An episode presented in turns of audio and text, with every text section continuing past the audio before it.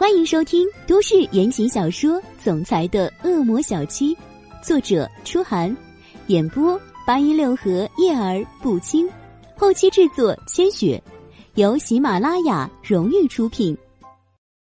第三十一集，站在门边，叶朵朵就调动了所有的脑细胞来思考眼下的事。这是海上，想要逃跑，首先就得先放倒外面的保镖。可即便他出奇顺利的将所有人都想办法放倒了，好像也没用，因为他完全不会开游艇，照样还是回不去。现在最直接有效的办法就是打电话报警，等警察叔叔来救他。也不对，这件事最好还是别闹到警察叔叔那里去。张扬开了，对荣耀固然不好，对他也没什么好结果。这条排除。那能找的最合适的人是荣寒生。叶朵朵脑袋里冒出了这个名字，稍作思考后，他就奔到了荣耀身边去摸他的口袋。他想从这个男人身上摸出手机来打电话给荣寒生，可没想到这男人居然没带手机，真是天要亡他，挡都挡不住。摸了一圈毫无成果的叶朵朵。腿软的坐在了床边，不由得有些烦躁。坐了一会儿，他又站了起来，将荣耀拖到了床上，摆成了大字形，然后用刚刚从他手上、脚上接下来的绳子，将他的手脚也给捆死了。为了避免他突然醒来发出声音惊动外面的人，他想了想，又将他的一双袜子给脱了下来，掰开了他的嘴。直接使劲儿的塞到了里面去，臭袜子堵臭嘴，实在再合适不过了。弄好了这一切，他才在房间里转悠起来。刚才瞧外面的天色，现在应该刚到中午，就是说，距离他被绑架大概十几个小时。夜不归宿，父亲叶明远大概想不起来找他。可要是白天也找不到人呢？他会想起来找他吗？心中升起的希望，没一会儿又被叶朵朵自己摁了下去。他走了那六年，叶明远都没有找过他，回来也没怎么问过他这六年过得如何，都干了什么。父女之情冷薄至此，失踪个半天，他大概是不会来找他了。父亲指不上，叶家其他的人就更加指不上了。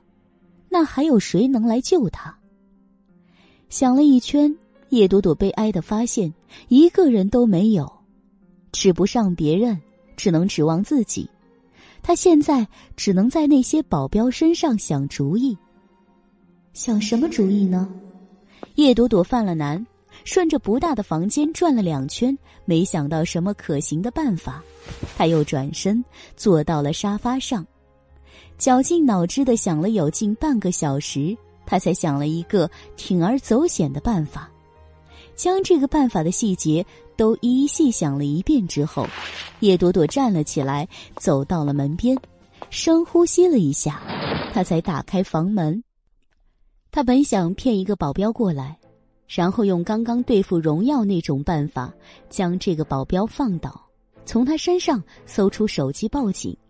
当然。这是个很危险的办法，可现在除了这个办法，他也实在想不出什么办法来了。无计可施的情况之下，再危险，他也只能姑且一试。却没想到，还没等他开口，门缝一开，他就听见一阵马达声远远而来，有人来了。叶朵朵一惊，慌忙又将身体缩了回去，只留张脸。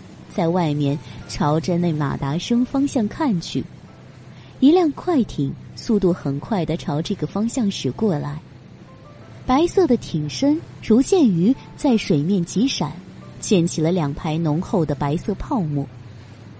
眼睛盯着那快艇，叶朵朵的心也不由得悬了起来。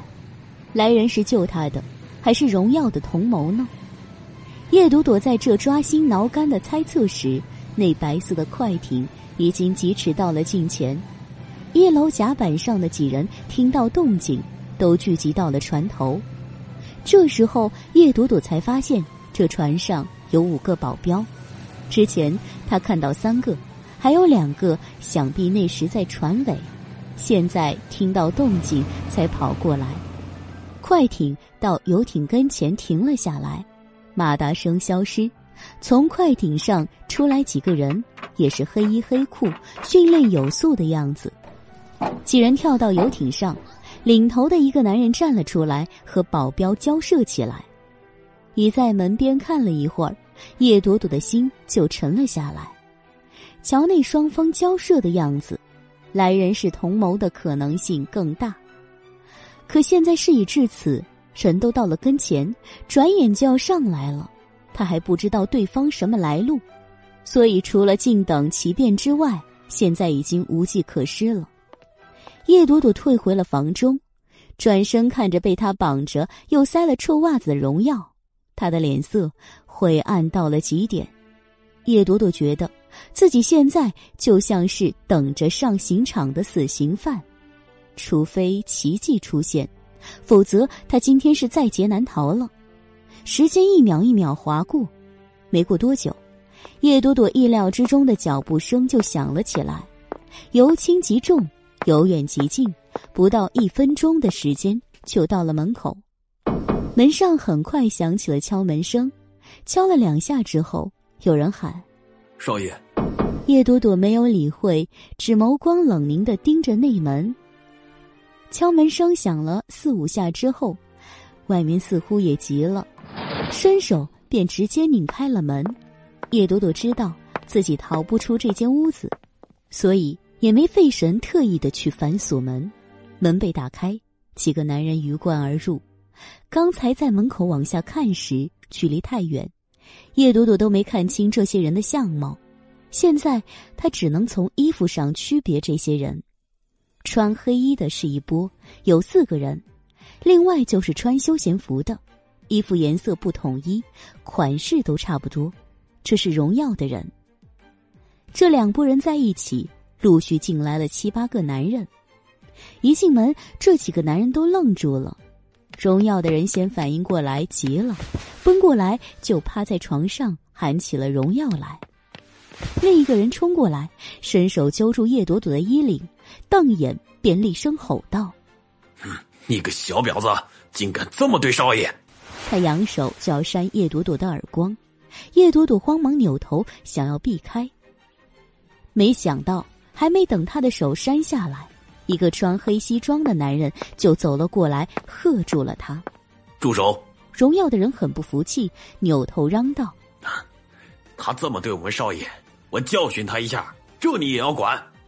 那人也不理会，直接走过来，伸手攥住了他那只抓住叶朵朵衣领上的手，硬生生的扯了下来，才冷着脸说道：“叶小姐是贵客，不可动粗。”你他妈的！荣耀的人火了，梗着脖子就想动手。后面的几个黑衣人迅速上前往这人跟前一站，便将荣耀的人团团围住。这几个黑衣人身高差不多，身材也差不多，就连脸都长得差不多。往那儿一站，几个黑金刚似的，叫人心里发怵。荣耀的人顿时蔫了气眼，但还是有些不服气，朝门口看看，想换帮手。这时候，先扑到床边的人已经把荣耀解开，也拿掉了他嘴里的臭袜子。唤不醒荣耀，他便朝那个差点动手的人说：“阿兵，算了，我们先把大少爷抬走。这件事等大少爷醒了自有定夺，我们不要惹事。”被叫阿兵的人一听，虽还有些不忿，却也没再闹，只阴狠的瞪了几个黑衣男人和叶朵朵一眼，便帮忙架起了荣耀出了门。等荣耀的人走后，黑衣男人才冲叶朵朵开了口：“叶小姐，你受委屈了，我们是来救您的。”“救我？你们是谁？”叶朵朵满目警惕的盯着这个身高和荣寒生差不多的男人。男人看了他几秒，才说道：“是二少爷，叶小姐应该知道。二少爷，荣寒生。叶朵朵怔了一下，微微蹙眉，目光不错开的审视着这几个男人。过了一会儿，他才问道：“你们是荣寒生的人？我怎么没见过你们？”二少爷身边人多，叶小姐没见过正常。这人面无表情，机械式的答道：“瞧这模样。”倒真有点荣寒生似的派头，不过，叶朵朵心念一闪，又问道：“他是怎么知道我在这里的？”二少爷今天联系你没联系上人，心中起疑，知道您出事了，是吗？叶朵朵呢喃了一声，略作沉默，眸光又抬起，突然冲来人笑了笑：“我只听伊森叫荣寒生老大，你们怎么给他改了称呼？”似乎是没有料到叶朵朵会问这样的问题，来人脸色一滞，有些迟疑。两秒后，他才面上镇定无波的说道：“我们每一批人对二少爷的称呼都不同，伊森是他贴身的人，喜欢那么称呼，这跟我们无关。怎么，叶小姐怀疑我的身份？”话说到这里。他的表情才冷了一些，露出些许不高兴的表情。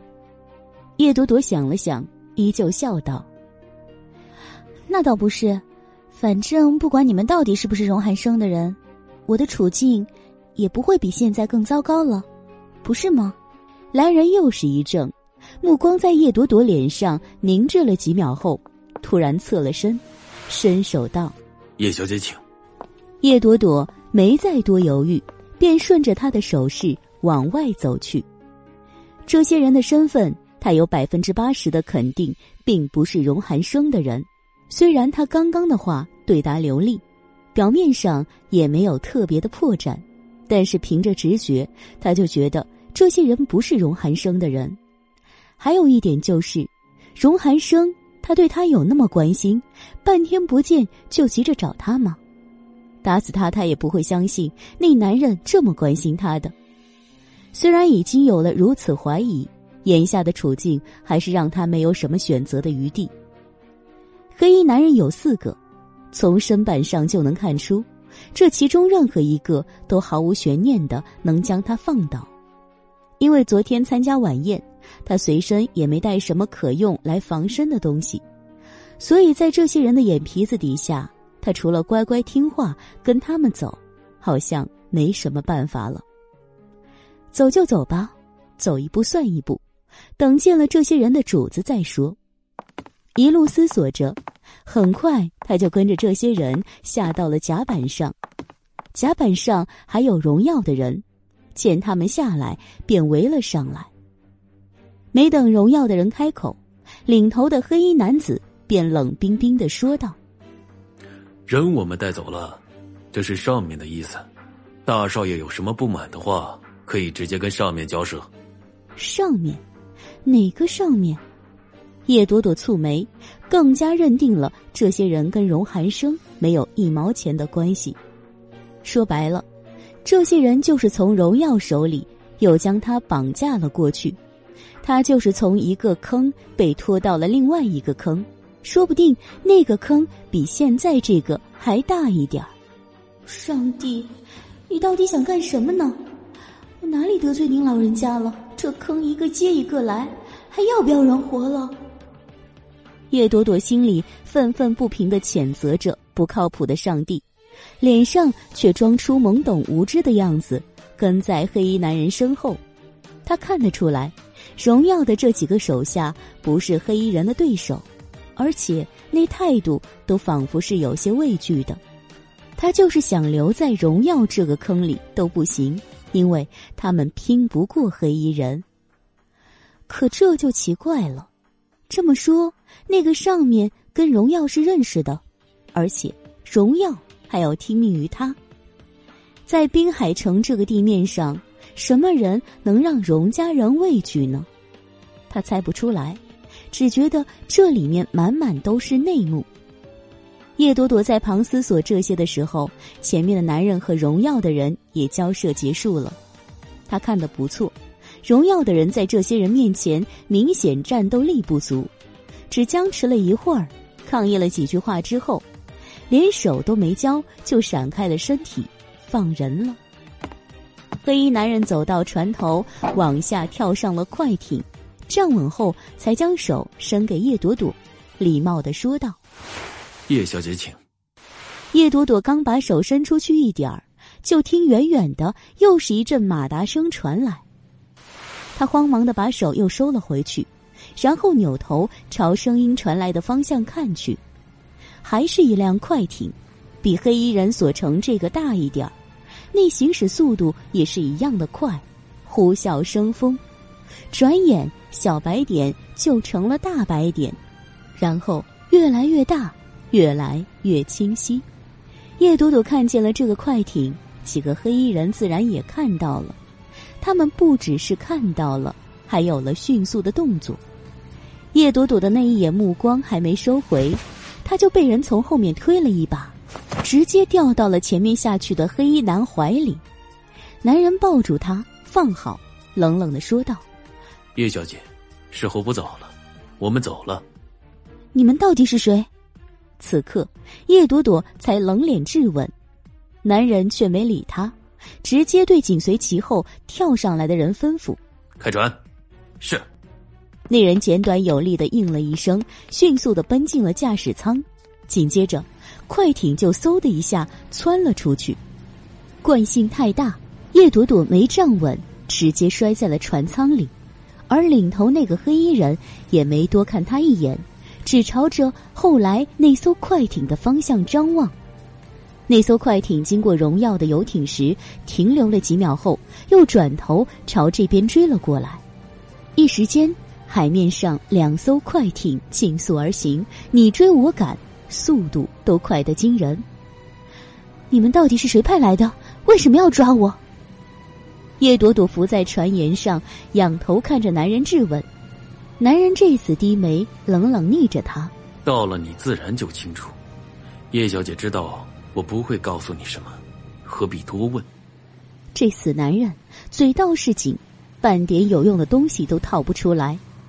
叶朵朵烦躁，只能闭紧了嘴巴，抬眸朝后方追来的那艘快艇看去，目测那艘快艇的速度比他现在所在的这艘要快。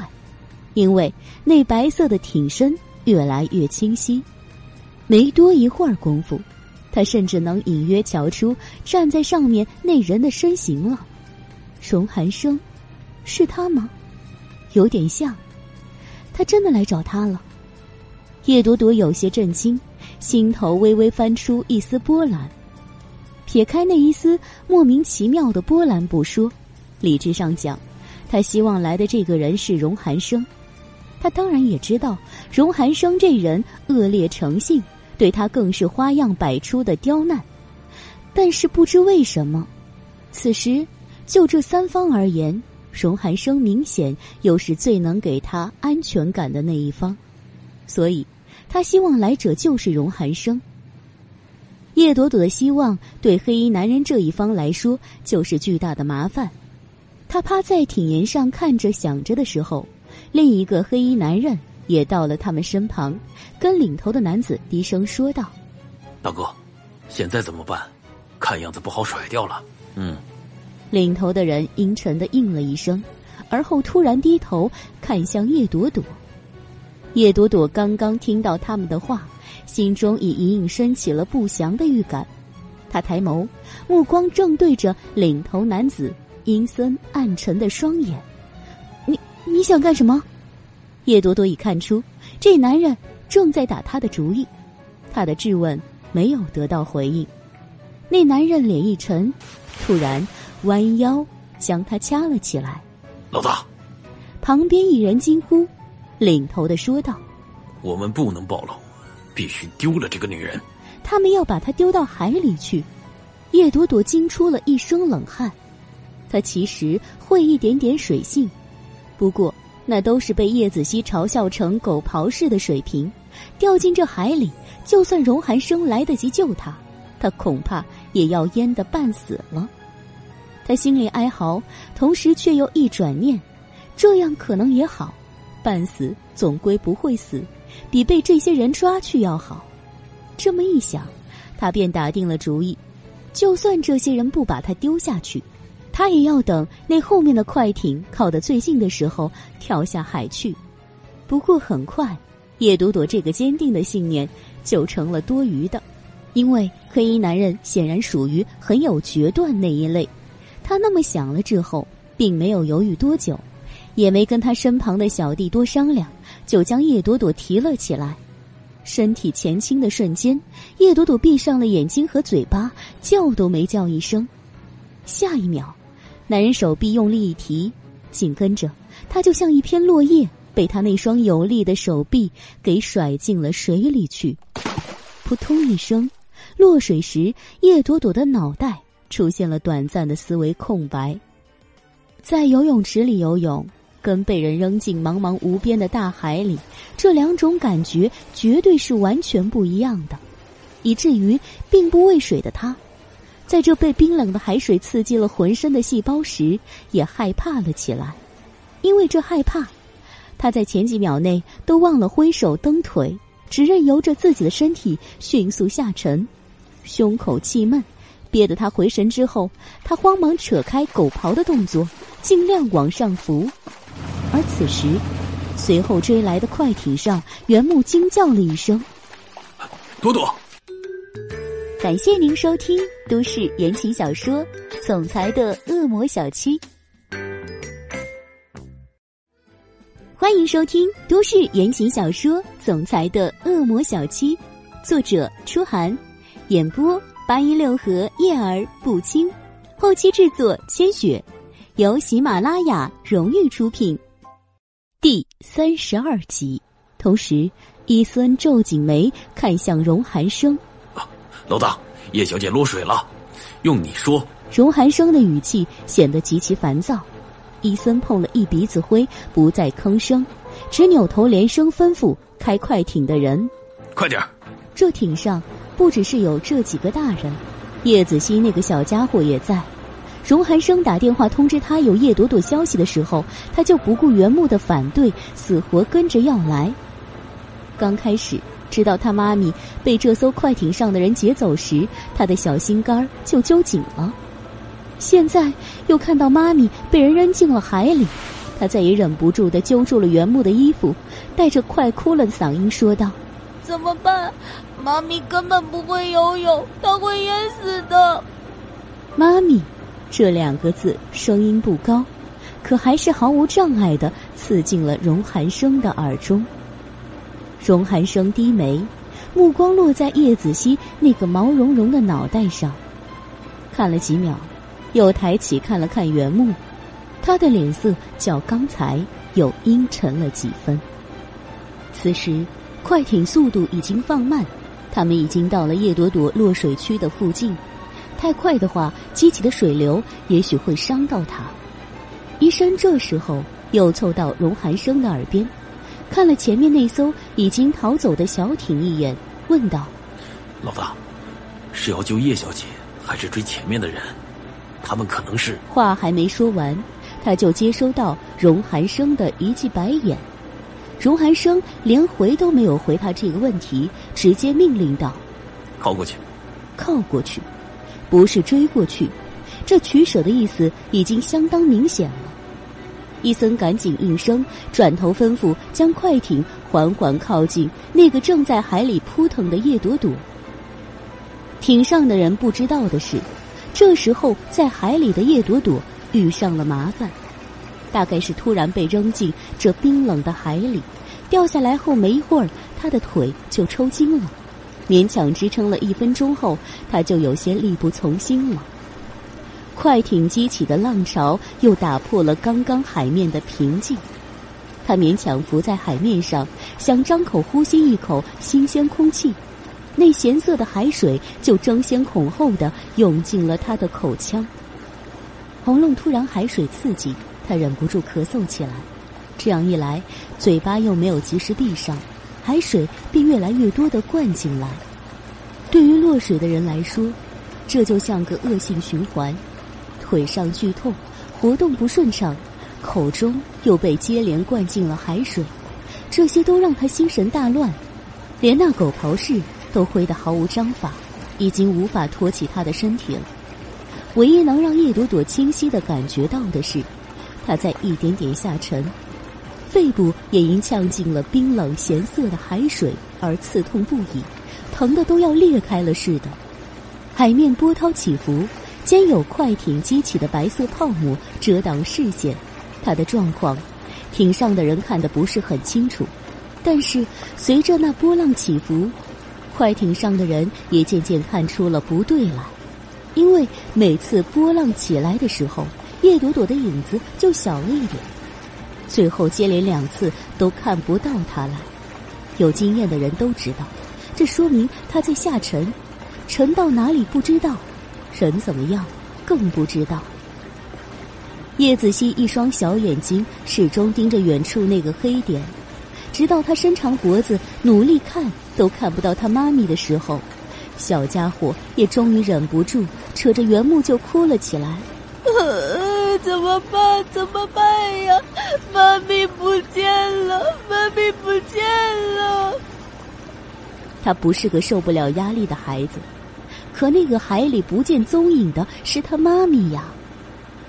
叶子熙仰头看着原木，小脸上满满都是恐惧。原木低头看着，心中揪痛。可他现在也没办法，快艇还没靠到最近的位置，现在跳下去。思维刚到这里，耳边就突然传来扑通一声，原木和叶子熙还没明白过来是怎么回事，就听伊森叫道：“啊，老大！”扭头一看，才知是荣寒生已经跳下了水，他似等不及了一般，从最近的侧面跳了下去。叶子熙一呆，原木则眸色一凝，心头多了一份异样的感觉。看两人在愣神的功夫里，包括伊森在内，荣寒生的人已经接二连三的跳下去了三个人。老大都下水了，身为下属的他们当然得跟下去，确保荣寒生的安全，这并不奇怪。袁木看着想了想，随后低头对叶子熙说道。子熙，你在上面等着我，我也下去，多个人多分力。嗯，深知原木水性的叶子熙慌忙点头。原木安顿好他之后，脱了外套，直接也扎进了海里。此时的艇上只有叶子熙和那个开艇的人，该下去的都下去了，快艇也将速度减到了最低，一点点的朝人群方向靠过去。最后停在边缘处待命，而叶子熙就趴在艇沿上，双眼眨都不敢眨一下的盯着海面上那几颗人头。那里面到底谁是谁，他已经分不清了。他希望的就是，不管是谁，能把他妈咪找到拖起来就好。妈咪，你千万不要有事。叶子熙的一双小手合在一起。垮着小脸，可怜兮兮的祈祷着。水里，荣寒生是在船上隐约看见叶朵朵之后，就跳了下来，朝他游了过去。他这么做，不全是因为心中焦急，也是因为那时在艇上已经不容易看见叶朵朵了。快艇其实是无目的的朝这边缓缓靠近，这样一来只会耽误时间。对于溺水的人来说，几秒钟的时间都能致命，他没时间等了。他水性不错，下水之后可以睁开眼睛在水里搜寻，但是海水已经被快艇激起的波浪搅得很浑浊。他顺着刚刚看到叶朵朵的方向找了过去，竟都没有看到那个女人的身影。荣寒生一边努力寻找，一边心也不由得揪紧了。虽然在过去几次的交锋里，这女人时而会将他气个半死；虽然这女人的老公和孩子都在艇上，那一家子跟他一毛钱的关系都没有，但是他就是不希望他出事，没什么理由，只是感觉，感觉不希望他出事。所以叶朵朵，你这个死丫头，千万不要出事。荣寒生心里闷闷的想着。眼睛一秒钟都没眨的朝四周搜索着。海水咸涩冰凉，人还没找到，他的眼睛就快受不了了。但是他没管这些，依旧张大双眼，盯住任何可疑的影子。这么搜索了近两分钟，那双已经疼痛不已的眼睛才终于锁定了目标。也许是运气，他找了一圈没有找到。目光再转到前方的时候，叶朵朵大概是被波浪推了过来。就在他前方不远处，从他的角度看去，那女人现在已经不能自己再努力上浮了，她好像已经无意识了，手脚都不动，就在那儿飘着，缓缓下沉。荣寒生心尖儿一紧，没再犹豫，竭力的张大眼睛盯着前方那人影，不让他有机会逃离自己的视线，同时他也奋力的朝那个影子游了过去。他用了全力，不到一分钟便游到了叶朵朵身旁，目光触及到那张脸，他便伸手将她的腰搂紧了。要找的人已经在怀中，荣寒生便双脚一蹬，努力让身体上浮。他们浮上了水面，身旁搜寻的人中也有人发现了他们，迅速朝他们靠拢过来。脸浮了出来。荣寒生才张口，深换了一口气，搂在叶朵朵腰间的手也紧了紧。扭头一看，叶朵朵双眸紧闭，牙关紧咬的样子，他的心又沉了一下。不再犹豫，他抬眸在海面上扫了一眼，确定好快艇的方向之后，就搂紧叶朵朵朝快艇游了过去。游了一小会儿，荣寒生就发觉了不对劲儿。按理说，他们浮在海上，现在已经很明显了。为什么那快艇竟是静止不动的？艇上应该还有人，他们不是应该缓缓向这边靠，好让他们上岸吗？这还不是最要命的，最要命的是，他们的快艇边还有一艘游艇。仔细一瞧，赫然就是荣耀那艘。海水冰凉，自己又已体力将尽。荣寒生也不及多想，只能尽力朝快艇游过去。好不容易到了快艇边，荣寒生已经没多少力气了，快艇上也不见有人接应，他只能一手抓紧着艇沿，一手抱着叶朵朵，挂在艇边暂歇片刻。刚缓了两口气，身旁伊森和原木也赶了过来，不远处的游艇甲板上站出了人。荣寒生所在的位置不好，看不见游艇上的人，可他听见了声音。哟，寒生，你上来了，可真不容易啊！为了个女人，竟跳了海，这我可没想到。这是一声，还有一声是“妈咪”。前面那声是荣耀，后面是叶子熙。那小东西现在跟荣耀在一起。荣寒生的心现在算是彻底凉到了底，深换了一口气后，没工夫再犹豫，他朝旁边看了一眼，收到他的眼神示意，伊森和原木立即爬上了快艇，然后由伊森接应，将叶朵朵给拉了上来。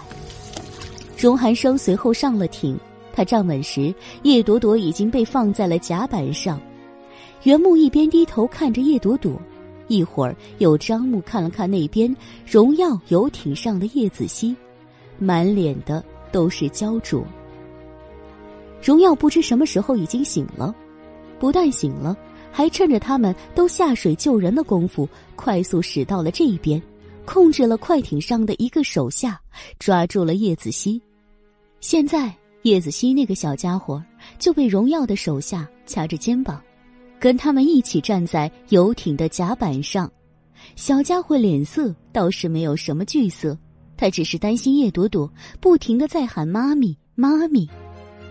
一边是急得要命的小家伙，一边又是喝了一肚子海水昏迷不醒的叶朵朵，原木也慌了，正愣神间，耳旁传来荣寒生冰冷的呵斥声：“你还愣着干什么？还不救醒他？”原木愣了一下。目光与荣寒生那两道凛冽的目光碰了一下，他才慌忙蹲下来，双手摁向了叶朵朵的肚子，一边喊着叶朵朵的名字。原木救人的功夫，荣寒生穿着一身透湿的衣服，走向了快艇靠游艇一侧，仰眸看向游艇上的荣耀。大哥，你这是干什么？有什么事不能跟我说？何必非要去为难一个孩子？荣寒生语声平淡，略带冷冷的不悦。荣耀盯着他，冷笑了一声：“哼哼，孩子又怎么了？那也要看是谁的孩子。我可听刚刚这小鬼叫朵朵妈咪，真没看出来，这女人年纪轻轻就跟人生了孩子，都这么大了。寒生，你这心里是什么感觉啊？”他的语气很是讥讽，目光盯着荣寒生，也像是在看戏。荣寒生微微凝眉，这时身后传来了叶朵朵的咳嗽声。他回头一看，袁木的手还在摁压叶朵朵的肚子，叶朵朵的身体被摁得不时翘起，时而还从口中吐出海水来，还能咳出声音，想必性命无忧了。荣寒生稍稍松了口气，眸光转回来看向荣耀，他又开口：“大哥，不管怎么说，先放了孩子再说。大人之间的事情牵扯到孩子，总不光彩。”荣耀没有立即回话，而是沉默了几秒，目光垂下，落在脚面，笑了笑，才说道：“ 我也没说非要跟个孩子过不去，只不过……”叶朵朵那个女人刚刚把我打昏，又把我绑在床上，这笔账不能不算。大哥的意思是要跟一个女人一般见识？荣寒生有些讥诮的问道，荣耀却没有中他的激将法。女人也分什么样的女人，平常的女人偶尔惹毛了我，我自然还不至于跟他们一般见识。只不过这个叶朵朵，她不一样。说到这里，他停了一下，目光紧盯着荣寒生，脸上扯出了似笑非笑的表情来。他有什么不一样的？荣寒生语气平淡的问。荣耀那唇边的笑才扩散开。哼，他是我想要的。这么多人，他说出这番话，不说荣寒生怎么想，袁木怎么想？就是那个被他抓的小东西叶子熙，先就忍不住了，他气得抬起小腿，对着荣耀的腿上狠踢了一脚。哼，你这个不要脸的，我妈咪才看不上你！荣耀腿上一疼，扭过头来，目光就阴狠了不少。他想都没想，竟然当着众人的面，抬手一巴掌扇在了叶子熙细嫩的小脸上。叶子熙被人死摁着肩膀，动弹不得，避不开他，生生的就挨了一巴掌。瞬间，他的小脸上就被打得通红，肿胀了起来。荣寒生眉心一蹙，略作犹豫的就抬步走了过去，迈上游艇，站到了荣耀的面前。放了这个孩子。他近距离的扫了叶子熙的小脸一眼，不由得有些心疼。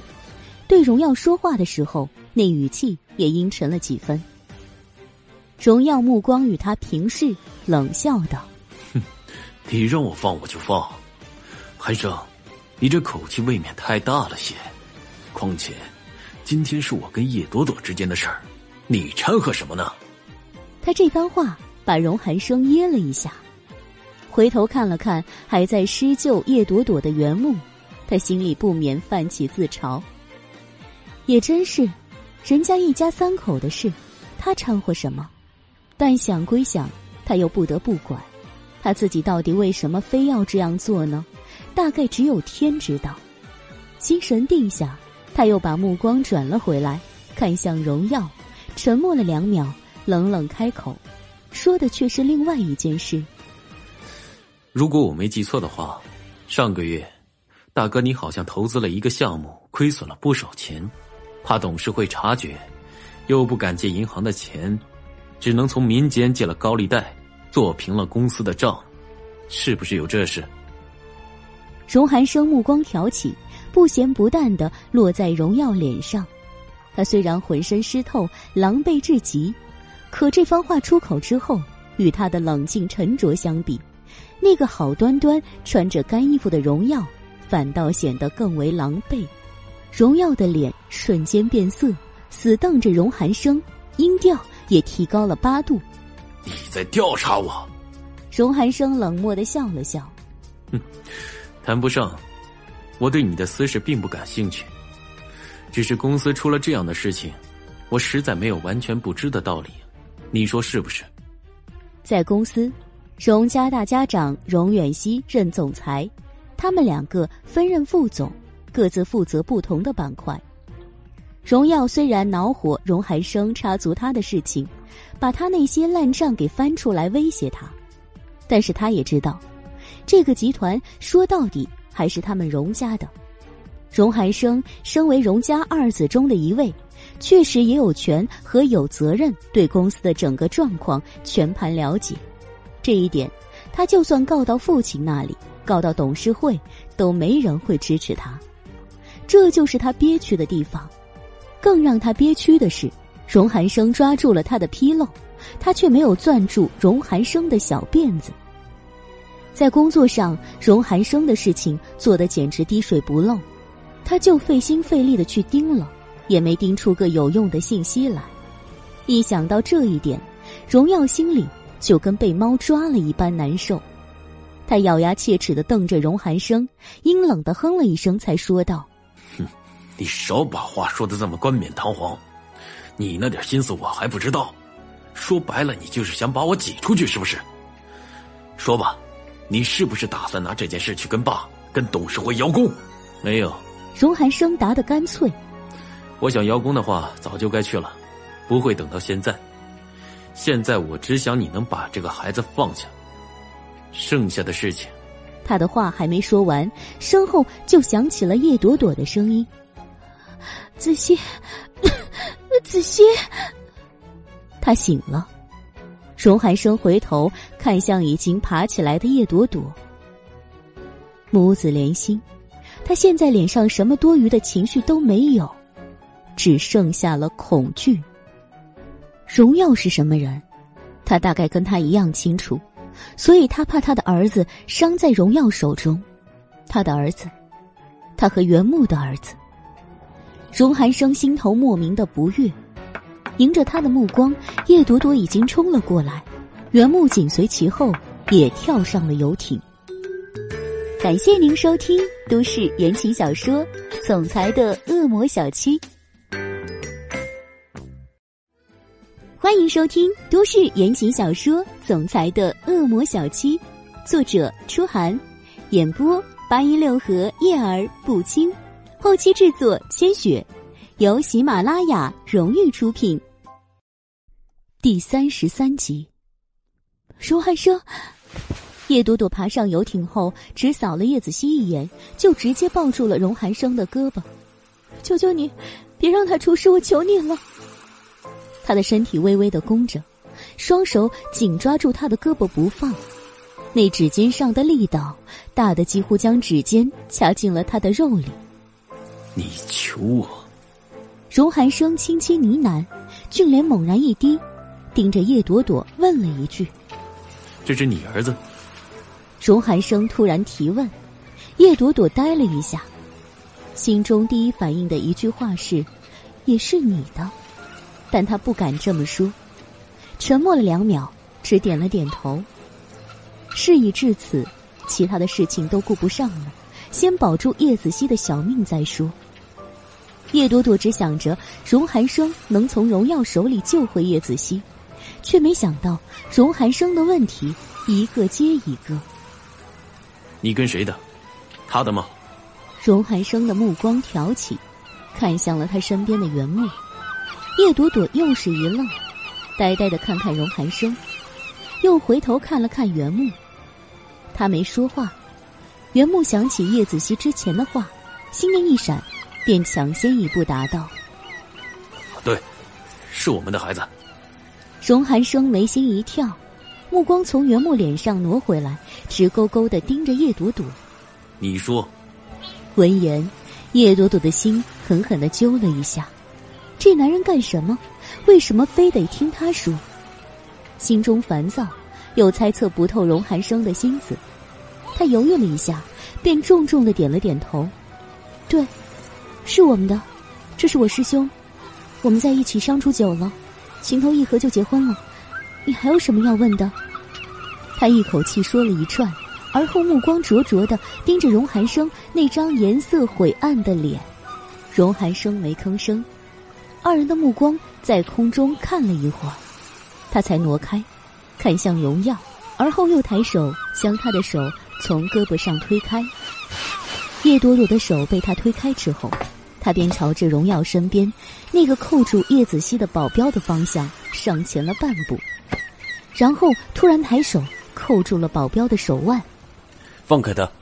他直接将手上的力道用到了底，那保镖顿时脸就变了色，可他也不敢随意的放了叶子熙，只得这样忍痛僵持着。荣寒生见他不松手，才又将目光转向荣耀，盯着荣耀看了看，他又转向袁木，手机给我用一下。手机。袁木想了想，说道：“在那边。”说着，他就转身跳回了快艇上，拾起了刚刚拖在甲板上的外套，从里面拿出了手机，返回来交给了荣寒生。荣寒生拿起手机，扬起，向荣耀说道：“大哥，你大概也不想我现在就给爸打电话，把你事情说了吧？”你，荣耀盯着荣寒生手里的手机，伸手指着荣寒生，气得面目狰狞：“放人！”荣寒生似不想跟他多废话半句，只这么冷淡的命令了一声。荣耀的眉头紧紧皱起，狠狠的喘了几口粗气后，才冲那保镖烦躁的说道：“放了，放了。”得了自家主子的命令，保镖这才松了手。叶子熙得了自由，什么都顾不上说，直接扑到叶朵朵的怀里，抱住了她的腰。妈咪，你怎么样了？没事了吧？叶朵朵看着叶子熙那半张红彤彤的脸，心疼不已，也来不及问他怎么会出现在这里，便伸手将他一搂，轻轻摇头：“妈咪没事，别担心。”嗯嗯。叶子熙仰着小脸，盯着叶朵朵，重重的点头：“没事就好，吓死我了。”母子二人在说话的时候，荣汉生就一直看着他们。等说到这里，他才淡淡的开口：“走了。”说完，他才看向荣耀：“我谢谢大哥今天给我面子，你放心，亏损的事情我不会告诉任何人。只不过，为了安全起见，还是请大哥想办法把这笔亏空尽快补上。这不用你说，我知道。”荣耀气得咬牙，荣寒生却没理会他，直接转身跳回了快艇上。他跳了过去，袁木也跟着跳了回去，然后站稳，伸手接过叶子熙，又拉过了叶朵朵。见三大一小都顺利回来，伊森才命令开船。快艇完全没理会荣耀的游艇，独自疾驰而去，在碧蓝的海面上。拖出了两条长长的线。很长一段时间里，艇上除了马达的轰鸣声，就没了动静。不管是荣寒生带来的人，还是他自己，亦或是叶朵朵三人，都没人说话。艇上的气氛就跟着艇下的海水一样冷凝。过了好一会儿，伊森才打破这沉默。他拿了一件干衣服，走到荣寒生的身边：“老大。”你的衣服湿透了，先把这件披上吧。荣寒生下水的时候根本没有多犹豫，直接是外套都没脱就跳了下去。现在上来也是浑身湿透，没有置换的。伊森自己也一样，没有衣服可换。但是船上还有一件保镖的衣服是干的，他这就拿了过来，捧给了荣寒生。荣寒生低眉凉凉的睨了那西装上衣一眼。略有些烦躁的说道：“不用。”伊森听得出来，也瞧得出来，他家老大心情不好，也不敢再说什么，只能捧着衣服站在了一旁。听见荣寒生说话，叶朵朵抬眼看了看他，犹豫了一下，他最终还是朝他迈开了步子。他也是浑身湿透，站在快艇上迎着海风，那感觉更是冰凉刺骨。撩了撩紧贴在额头的头发，叶朵朵才支支吾吾的说道：“今天，今天的事，谢谢你了。”叶子熙被抓的时候，他差点忍不住把孩子的秘密说出来，虽然最终没说出口，可面对荣寒生时。他心里的感觉还是怪怪的，说不清是心虚还是别扭，总之似乎有点不敢面对他。荣寒生本来面向外，听他说话才微微侧过来，低眉看着他。落汤鸡似的叶朵朵现在看起来很狼狈，头发散了又被浸湿了，湿哒哒的贴在头上，那脸色也不好，苍白，嘴唇也被冻得发紫。这样的他显得格外的娇小，就好像被人刚刚从海里捞起来的可怜虫。要不是这船上还有个叫他妈咪的人在，现在的他看起来像个还没毕业的学生。一想到那个跟他有几分相似的叶子熙，荣寒生的目光就不由自主的拧巴了起来。叶朵朵看得出来，荣寒生似乎在嫌弃他。是嫌弃他现在这个样子难看，还是嫌弃他带了个孩子？他不得而知。他只觉得这种直勾勾、毫不避讳的目光让他感觉到压迫，呼吸都不畅了。不想继续接受这样的眼神凌迟，叶朵朵准备转身回到叶子熙身旁，不再道谢了。瞧这男人这种高傲的样子，他大概也不需要什么道谢。叶朵朵心里想着，脚步也挪动开，身体转了过来。没想到，就在这个时候，荣寒生突然从伊森手里拽过了那件外套。只见他手臂轻巧的一挥，那外套就裹在了他的身上。叶朵朵刚刚感觉到身上多了件衣服的时候，他的肩上就多了一双大手。荣寒生不轻不重的。抓着他的肩，将他的身体搬回来，直面向他。他目光如炬，毫不避讳在场其他人的目光，只盯着他的脸。道谢不是几句不咸不淡的话就可以的，这样很没有诚意。肩上的手微微用力，叶朵朵感觉到了他食指的力道，轻轻皱眉。那要怎样？他仰脸迎着荣寒生的目光。荣寒生没有搭腔。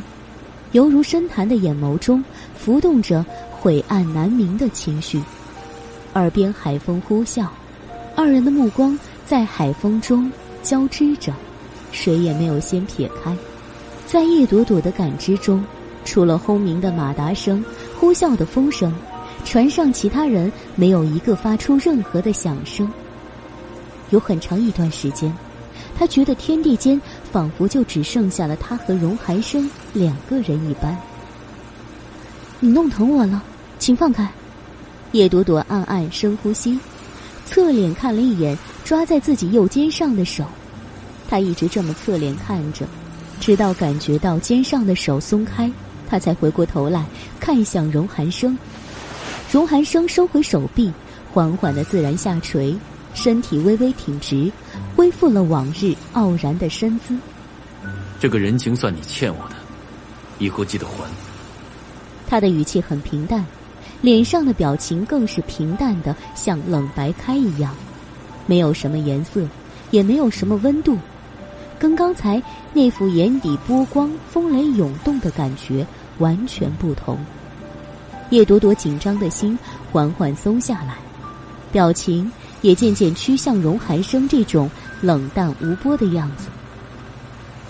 你放心，会的，我是个知恩图报的人。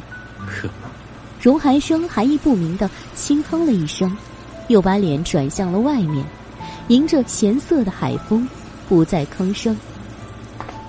叶朵朵重新回到叶子熙身旁，回头看了一眼同样浑身湿透的原木，露出了歉意的表情。对不起啊，让你跟着受累了。这是什么话？袁木皱了皱眉，目光扫过他身上的衣服，又看了看手中自己的衣服，他突然不知道说什么了，想了想，才扯出一抹勉强的笑来：“你没事就好。昨晚仔细联系不到你，担心的不行，非要扯着我来这里来。没想到这小东西说的真准，你真的出事了。也幸亏我们来得早，不然后果真是不堪设想。”嘿，这叫母子连心。妈咪没事，小东西也高兴起来，张口就接了一句。叶朵朵低头看看叶子欣，心疼的摸了摸他被打红肿的右脸，还疼不疼？不疼，没事的。妈咪，你放心，那个混蛋，我一定会收拾他的。小东西咬牙切齿的说道。叶朵朵跟着皱了皱眉，瞪了他一眼，没再说什么。艇上马达声和风声混合在一起，很是嘈杂，淹没了三人间的对话。荣寒生没有有意去偷听叶朵朵三人说话，而是在那个女人离开他身旁之后，他的注意力就不由自主的被带到了他所在的地方。所以，那些话中只言片语，还是被听力敏锐的他捕捉到了。待叶朵朵三人说完，他才缓缓回头，眼眸深邃的看了这三人一眼。快艇靠岸，荣寒生下了快艇，一言不发的就往停车场方向走。伊森跟在后面观察了一下，又想了一番，才回头对叶朵朵说道：“叶小姐，你们坐那辆车，我让司机直接送你们回家。”他随手指了一辆车。叶朵朵没有异议，点头答应，并道谢。上了车之后，一路无话，开了一个多小时才进市里，又是半个小时，他们才终于到了家。进了家门，叶朵朵才想起身上还穿着荣寒生保镖的衣服，刚把衣服脱下来，叶子熙就窜了过来：“妈咪，你说实话，你跟荣寒生到底什么关系？”嗯。叶朵朵猛地一阵心虚，脸都变了色。回过神来，她才瞪了一眼，对小东西没好气的说道：“什么什么关系？劫后余生的，麻烦你不要那么快就开脑洞行吗？”袁木已经进侧卧换衣服去了，此时客厅里只有他们母子二人，所以他才敢和叶子熙讨论这样的事情。叶子熙撇撇嘴。一把从他手里把衣服拽了过来，又看了他一眼，才说道：“你先去洗个澡吧，省得冻病了。洗好了，我们再来聊聊荣寒生的事情。”啊！生觉无语的叶朵朵没说什么，转身去卧室拿了衣服，又去了卫生间。他这个公寓不大，只有一个卫生间，所以他没洗多久，十几分钟随便冲一下。就换了干净衣服出来，换同样湿透的原木进去。那卫生间门关上时，叶子熙就等不及的把他扯进了卧室。妈咪，你老实交代，你是不是喜欢荣寒生？呃，他又一次懵逼了。都说孩子的世界你永远不懂，真是真的。叶子熙同学，你哪只眼睛看出我喜欢荣寒生了？叶朵朵坐在床边。一边从床头柜抽屉里拽出电吹风，一边无语的问道：“趴在他身边，小屁股撅得老高的叶子熙眨了眨晶亮的眼睛，一本正经的说道：‘嗯，原因有二。第一，除了袁叔叔、孟叔叔他们几个之外，你叶朵朵很少拿正眼瞧男人，这个荣寒生除外。你不但正眼瞧他了，在瞧他的时候还很心虚。’”我说的对不对？胡说！叶朵朵被噎了一下，吹头发的动作停滞了两秒。叶子熙撇撇小嘴，双手托腮，盯着他妈咪，却懒得理会他那两道吃人的目光，继续又说道：“第二，我被抓的时候，你第一反应去求荣寒生，而不是袁叔叔，为什么呢？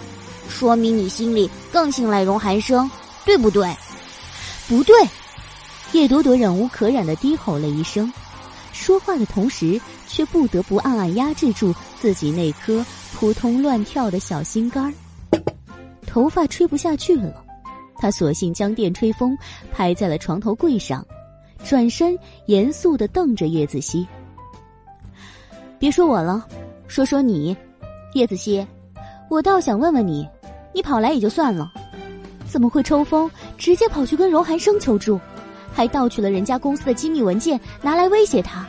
叶子熙，你胆子肥了。”从袁木口中听到这些。叶朵朵的内心简直是崩溃的，她费心费力藏起来的儿子，自个儿蹦跶到了荣寒生面前。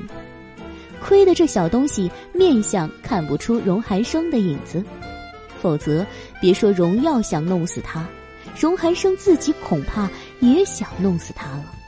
好，自己蹦跶去了也就算了，还盗取了地勤的机要文件。叶子熙。你怎么不上天呢？叶朵朵心中气得七仰八叉，不等叶子熙回话，就忍不住手一扬，将他掀倒在床上，魔爪一拽，就将他的裤子扒了下来，露出了白花花的小屁股，啪啪啪，接连三下，毫不手软，打得叶子熙哇哇乱叫。可叫归叫，他却不敢逃，这就是他们叶家的家教，有理无理。妈咪就是妈咪，必须打不还手，骂不还口。嗯嗯，好痛了！叶子熙捂着小屁股怪叫。叶朵朵知道他眼里没有一滴眼泪，也懒得搭理他。瞅瞅那已经被打红的屁股，他又心软，手收回来，直接拎起了叶子熙的小耳朵。知道疼了，这就叫上了。那你知不知道？就你那样盗取人家文件的行为是够判刑的，还是那么大的集团，人家要告你，能让你把牢底坐穿，你知不知道啊？呃呃呃，轻一点。叶子熙歪着小脑袋，将就着叶朵朵的手，嚷嚷道：“嚷嚷完了，又撇嘴嘟囔了一句：‘我是未成年吗？不用坐牢的。’那你妈我呢？我是不是你监护人？”我要不要为你不要脸的行为负责？你是不是打算在监狱里给你妈养老送终了？想到孩子的过分行为，叶朵朵真是气不打一处来。平时捣点乱什么的就算了，黑了人家的网站，盗取机密文件，这是犯法的。虽然他是没有什么恶意，也没有造成很坏的影响，但是这种事情不打一顿，给他点教训。以后他觉得这么干没啥，捅出大篓子来，那可就麻烦了。说到底，荣寒生到底是他爹，万不得已的时候，这身份也能救他一条小命。可他要是在别人那儿惹事了呢？叶朵朵不敢想，越想越生气，忍不住又屈指在叶子熙的小脑袋上敲了个暴栗子。感谢您收听都市言情小说《总裁的恶魔小七》，欢迎收听都市言情小说《总裁的恶魔小七》，作者：初寒，演播：八音六合叶儿不清，后期制作：千雪，由喜马拉雅荣誉出品。第三十四集，叶子熙啊，叶子熙，我以为我平时对你挺好的。你就这么坑我，还是亲儿子吗？说，你是不是早瞧我不顺眼，想把我送监狱里关起来，你才高兴？气头上，叶朵朵也就口无遮拦了。叶子熙伸手揉了揉被敲疼的小脑袋，小脸皱起，可怜兮兮的说道：“人家那还不是担心你，你那么笨又被绑架，万一真出了事，岂不是没人管我吃饭了？”那我总得找个人去搭救你啊！想来想去，只有荣寒生最合适了。我又没什么资本跟他谈判，只能出此下策了。叶朵朵，说来说去，都是因为我太爱你了。小东西突然爬起来，两条柔软的小胳膊勾住了叶朵朵的脖子，小嘴想都没想就凑了过去，在叶朵朵的脸上吧唧了一口。妈咪，别生气了嘛，大不了我发誓，我以后不随便乱入人家的系统了，行吗？你发誓管用？获得香吻一枚，叶朵朵的心情略微好转，但是她才不相信这小东西发的什么誓言。无数次的事实证明，他赌咒发誓的话，一般都是一阵风，刮过去就算了，痕迹都找不到的。被妈咪揭穿，叶子熙有些心虚，嘿嘿的干笑了两声，小眼珠一转，又将话题转移到了叶朵朵的身上。妈咪，你还没回答我的问题，你是不是喜欢荣寒生啊？哎呀，总不会他就是我爹地吧？叶朵朵抽了一口悠长的冷气，转眸盯着叶子熙，深深的蹙起了眉。你怎么这么想？我怎么不能这么想啊？我觉得这样也不错呀，不错。叶朵朵惊愕的瞪大眼睛。叶子熙淘气的笑笑，认真点头。嗯，据我的观察，他对你不错呢。第一个跳下海救你的是他，拿衣服给你穿的也是他。嗯，就这点看，他比袁叔叔好。叶子熙，你会不会太墙头草了？呃，这样说好像是有点对不起袁叔叔哦。叶子熙歪着小脑袋，蹙眉想了想。几秒钟之后，脸色便归于了淡定。但是你是我妈咪嘛，你的幸福最重要啊。袁叔叔是挺好的，可关键时刻反应总是慢了那么一点。这一点不仅用寒生了，我看，真要是到了危急关头，这两个人中救你的那个肯定是荣寒生。叶子熙一本正经的说着，叶朵朵听完就愣了一下。孩子的评判标准，他说不上来是对还是错，但是从这番话听来，这小东西好像对荣寒生还挺有好感的。心念一闪，叶朵朵试探的问道：“这么说你喜欢荣寒生？”“喜欢？呃，不不不不不。”叶子熙头摇得跟拨浪鼓似的。叶朵朵瞬间皱眉：“你不喜欢他？”刚刚又说那样的话，嗯，不矛盾呀。只要妈咪你喜欢他就行了呀。我不喜欢他，归不喜欢他，可他如果真的是我爹地的话，我也勉强接受了。他不是你爹地，不要脑补多了。叶朵朵心里一颤，脸上没好气的瞪了叶子熙一眼。叶子熙撇撇嘴，小眼睛闪闪发亮的盯着叶朵朵。一脸若有所思的表情，仿佛在思考他妈咪这话的可信度到底有多少。看着儿子的脸，叶朵朵想了想，又追问了一句：“那你说，你为什么不喜欢他？”我啊，叶子熙从思索中回神，眨眨眼，认真的想了起来。过了好一会儿，他才说道。首先，我对目测上去比我牛叉的人都有抵触感。第二，如果他真是我爹地呢，我跟他之间还将会有一场较量，所以我还是先不要对他产生什么好感了。唉，上帝创造出荣寒生和叶子熙这两个男人来，是专门为了鄙视他的智商的吗？为什么跟这两个男人说话？叶朵朵总觉得脑速跟不上的感觉呢。那个叶子熙，你为什么会觉得跟他有一场较量啊？叶朵朵弱弱的问，一副好奇小宝宝的模样。必须呀！叶子熙仰着脖子，一本正经。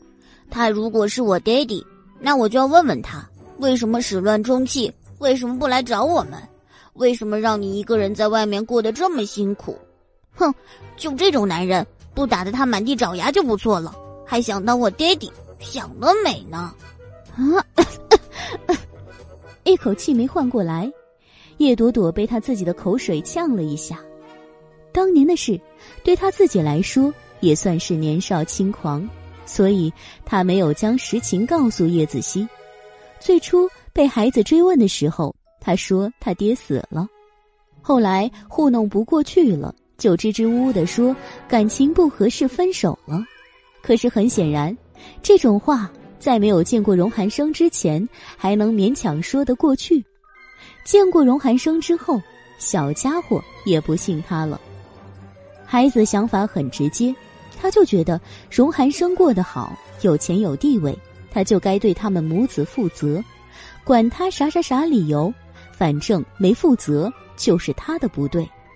于是梁子就这么结下了。叶朵朵在内心里默默的替荣寒生哀悼的时候，远在自家别墅的荣寒生刚洗完澡出来，就重重的打了个喷嚏。荣寒生收拾好下楼，阿姨就端了碗姜汤过来。少爷，趁热喝两口，这个天一身湿成这样会生病的。阿姨很关心的说道。荣寒生接过碗。微微的抿出了一点笑意，谢谢。他在水里待的不算短的时间，这个天儿的海水又凉，冻得全身里里外外都是寒意。抿了两口热腾腾的姜汤，辛辣的液体顺着喉咙下肚，暖意散开，他才觉得舒服一点。喝了两口，他打算转到沙发上略作休息的时候，伊森进来了。此时的他已经换好了干净衣物，手里还捏着几张纸。老大，你要的那个原木的资料已经查到了。荣寒生愣了一下，抬手放下姜汤碗，看向伊森，他的眼中多了一抹赞许。这个任务是从海边回来的时候才布置下去的，看来他的手下办事效率比他想象的还快。他接过那几张纸。翻了翻之后，又蹙了蹙眉。就这么多。伊森点头。嗯，是的，这个原木没有什么特别的背景。孟白的徒弟，叶小姐的师兄，现在是 Z 城华西医院的院长，也是世界上有名的精神科专家。他跟孟白学医的时间比叶小姐早五年，算是资历很深了，在 Z 市的医疗界也是鼎鼎有名的。他的信息都很透明。没有什么值得推敲的，没什么值得推敲的。荣寒生轻语呢喃了一句，又低头看向了手里的资料，目光从上到下又扫了一眼后，最后定格在了一组时间数据上。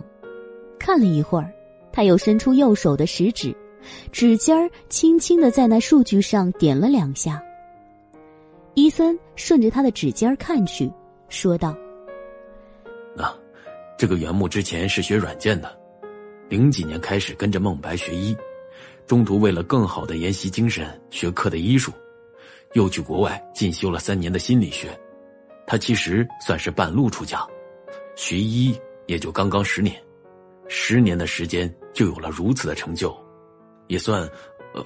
他本来想说几句对原木的溢美之词，但是那词还没滚出来。他就接受到了来自荣寒生那两道冷冽的目光，嗯，自家老大好像不太高兴。有了这个认知之后，他自动的闭了嘴，微微低下了头，不再吭声了。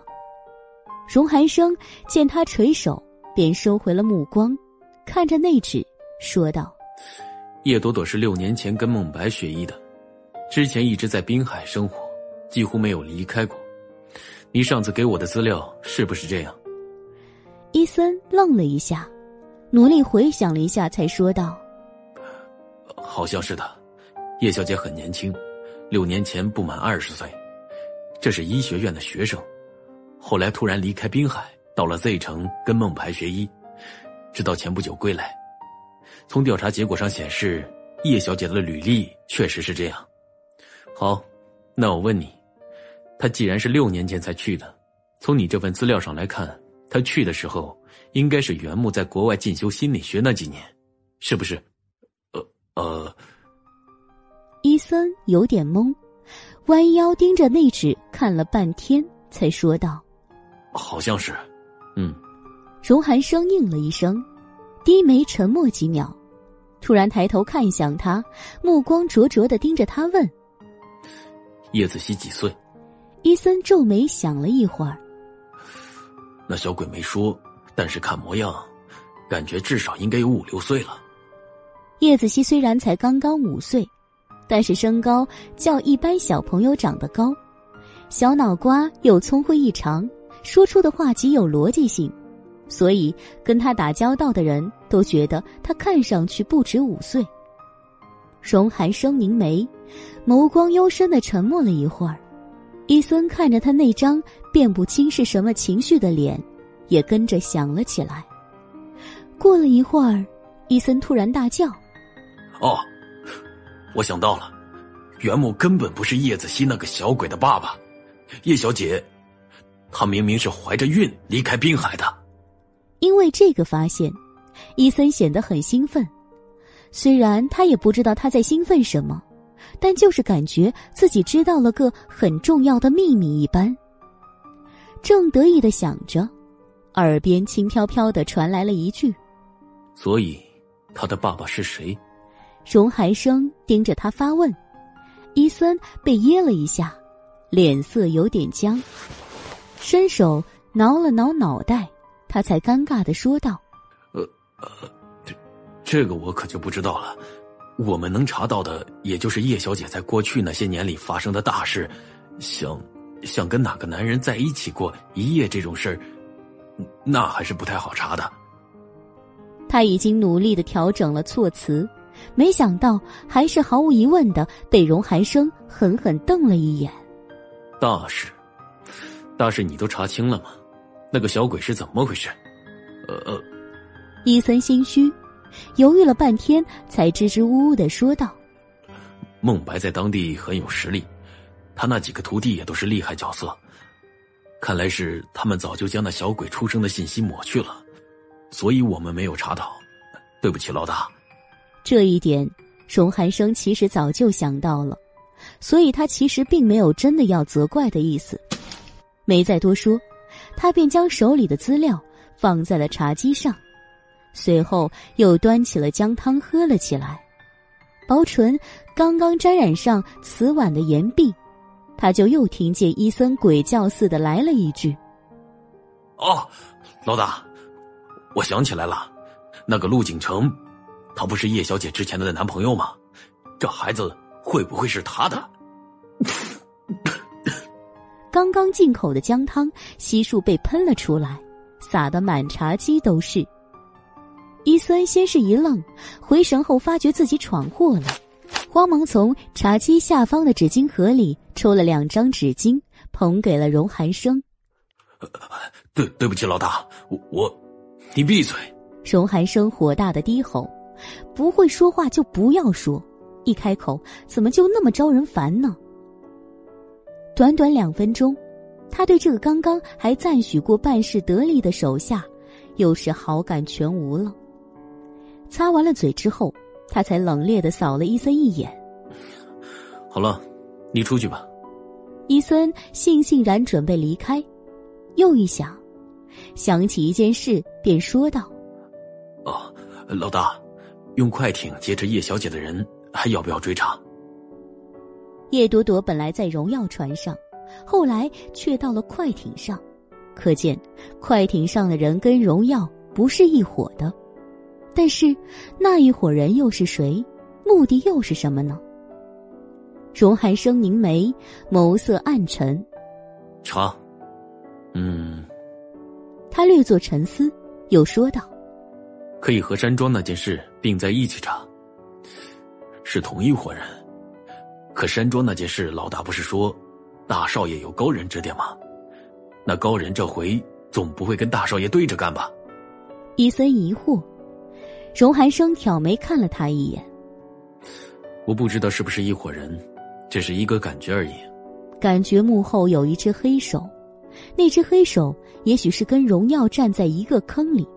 但又好像不是为荣耀服务，隐隐中，他觉得那只手的目的是把荣耀和他一起玩弄于股掌之中。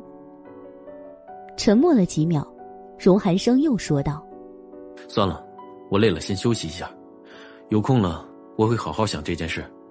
你先查，查了什么结果再告诉我。”是。伊森离去后，荣寒生想了一会儿那只黑手的事情后，思绪又不由自主的绕到了叶朵朵身上。袁木不是叶子熙的父亲，他那心里还莫名其妙的涌起了一点点沾沾自喜。可是被伊森一提醒，他的心吧唧一下又跌回了阴沉的原点。一个已经生了孩子的女人，她为何还如此上心？难道是禁欲太久，被那个女人的身体给迷惑了？不行，看来得多找几个女人试试看。荣寒生想着这些，脑子里却不时的晃荡出陆景成的脸和叶子熙的脸。这两张脸在他脑中交替出现，有时候又叠在了一起，让他觉得二人越看越像，也搅得他心神不宁，越来越烦躁。烦躁的情绪快要到达顶端的时候，大厅里的电话响了。荣寒生没动。那电话响了两声之后，被阿姨接起。过了一会儿，阿姨手持电话看向他：“少爷，夫人来电，是他的母亲。”荣寒生起身走过来接听了电话：“妈，你跟我回来一趟，现在马上。”母亲强势的声音响起，透着完全不容他反驳的坚决。荣寒生攥着电话。微微的皱眉，等那边愤怒的声音完全落下，他才淡淡的回了一句：“我知道了，马上回去。”回去干什么？他大概能预料到，今天为了搭救叶朵朵母子，他也算是跟荣耀闹翻了。他的大哥现在一定在家里跟母亲告状，不是父亲，只是母亲。说来可笑，他们是同一个父亲，不同的母亲。可荣耀每次告他的状，却不找父亲，而是找他的亲生母亲，荣耀的继母林芳如。这大概也算他们荣家的特色了。挂了电话，略作休息，荣寒生就自己驾车回了荣家大宅。半个多小时后，他的车缓缓驶进荣家大宅。这是一处很僻静的庄园。滨海城独此一处，任何人走到这里看一眼，都知道这是荣家。车刚停稳，就有人跑过来替他开了车门。荣寒生下车，没吭声，径直往别墅里走去。这庄园里其实有三栋别墅，他进来的是中间一栋最大最气派的，挑高门厅。气派的欧式雕花大门，处处都透着主人家的不凡。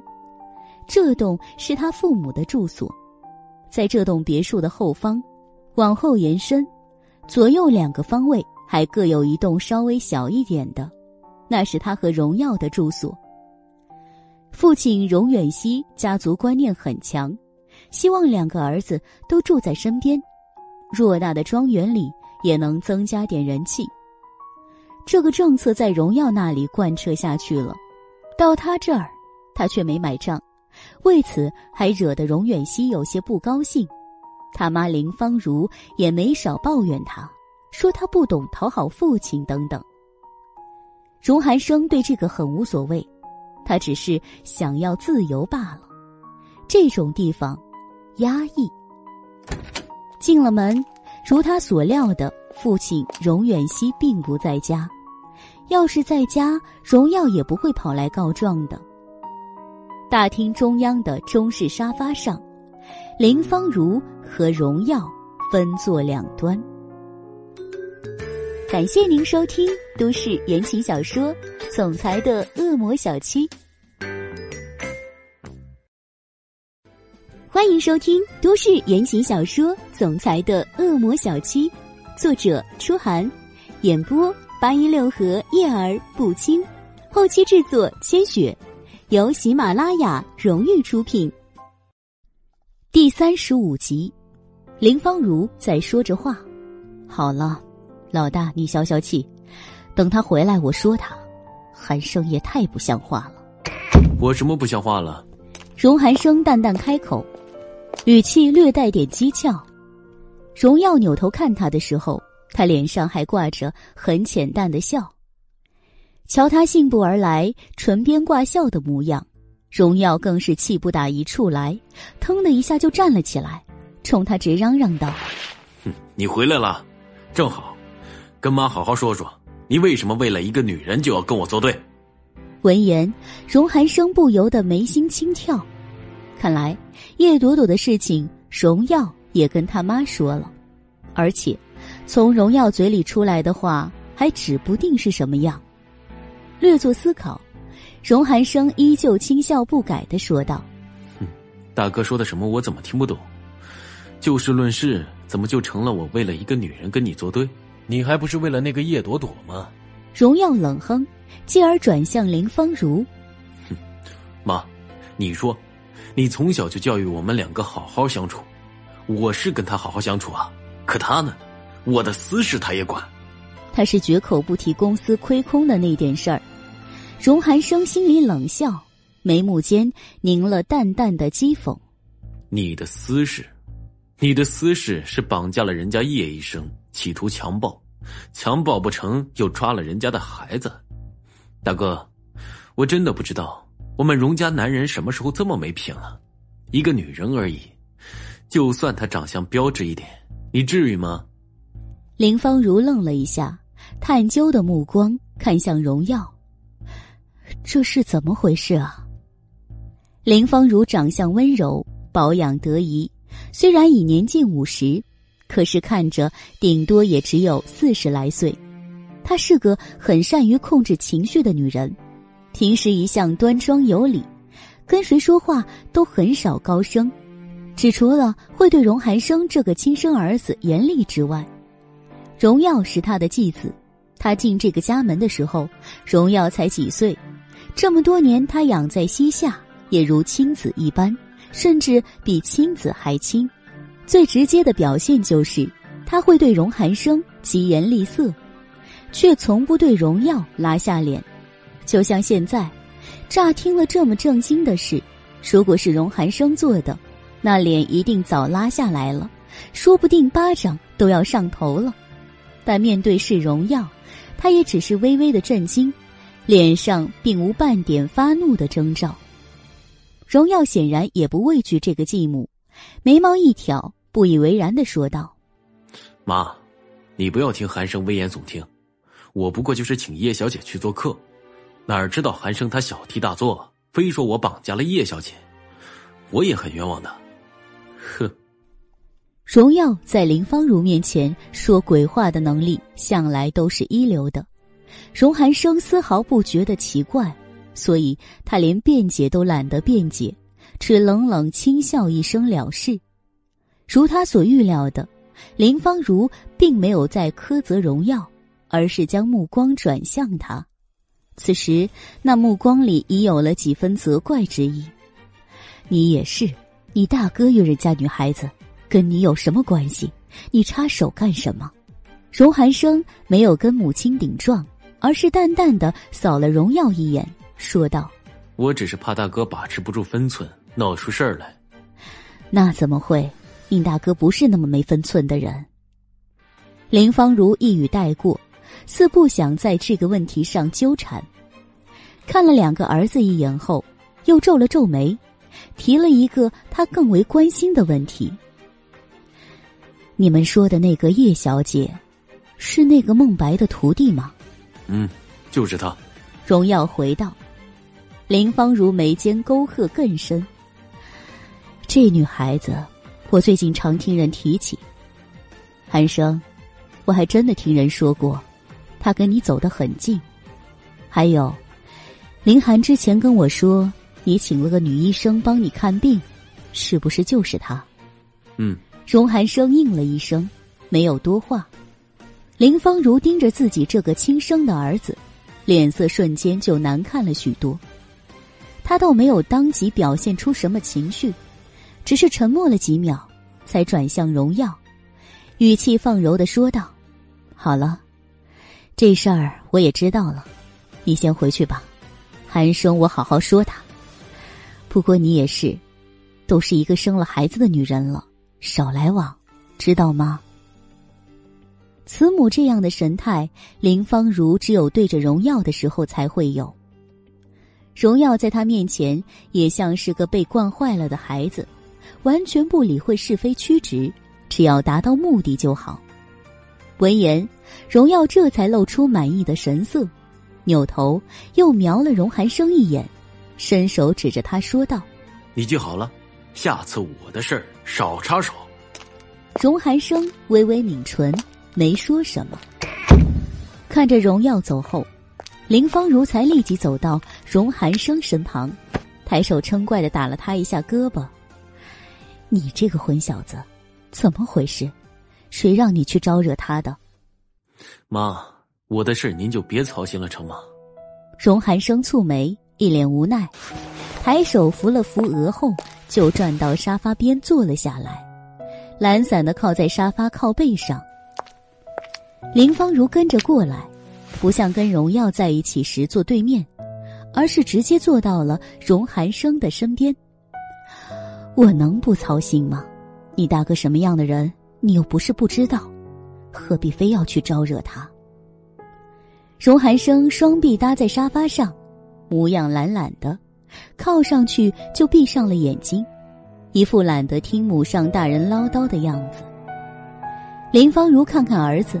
眉心皱了皱，又往他身边挪了挪，盯着那张闭着眼的脸说道：“还有，林寒的事情我还没来得及问你，你到底怎么想的？前两天林寒哭着跟我说你要跟他分手，我以为你们就是闹闹脾气，也没多想。可你这几天也没约他，我看他成天愁眉苦脸的。寒生，告诉妈妈。”你心里是真的想跟他分手？闻言，荣寒生这才睁开眼，看向林芳如，沉默了几秒，才面色微沉，语气严肃的说道：“是，妈，我不想跟他在一起。”这怎么行？林芳如急了，声音都提高了八度：“你们是从小定下的婚事，这么多年你也没意见，怎么突然说分手就分手？”妈。我从来没爱过他。荣寒生表情认真，双眸中迸发出不容忽视的光芒。林芳如愣了一下，随后突然皱了皱眉，用不认识一样的目光盯着荣寒生。爱，你现在跟我谈“爱”这个字，难道不觉得太晚了吗？寒生，你应该清楚，这枚婚事本来就跟爱没什么关系。当初你爸爸的意思是要把林寒定给你大哥的，是我，是我想办法争取过来的，你知道吗？知道，他当然知道，即便那时候不懂事不知道，后来也知道了。母亲的苦心，他记事起就察觉了。可是，妈，我知道，但是我现在不想勉强自己，你也不希望我一辈子都对着一个完全无感的人吧？太可怕了！以前并不太觉得，这种感觉也是最近才有的。当然，他不会跟林芳如讨论这样的问题，他也知道林芳如不会听他的解释。荣寒生神色淡淡，林芳如的脸色却如风雨欲来。我是不希望你对着不喜欢的女人过一生。可是，我更不希望我的儿子被他的大哥逼得走投无路，甚至赶出家门。他的语气很重，平日里温柔的双眸中也迸出了寒光。荣寒生知道，此时的妈妈才是他的真实一面。林芳如要强，骨子里的要强，却又从不表现在脸上。任何人见她都是温柔的贤妻良母，没人知道。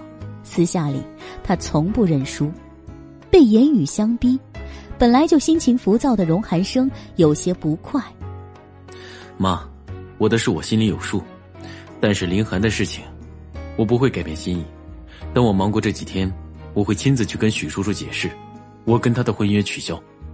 寒生，林芳如生气的喝了一声，眸光一转，连起眉说道：“你告诉我。”是不是因为那个叶朵朵？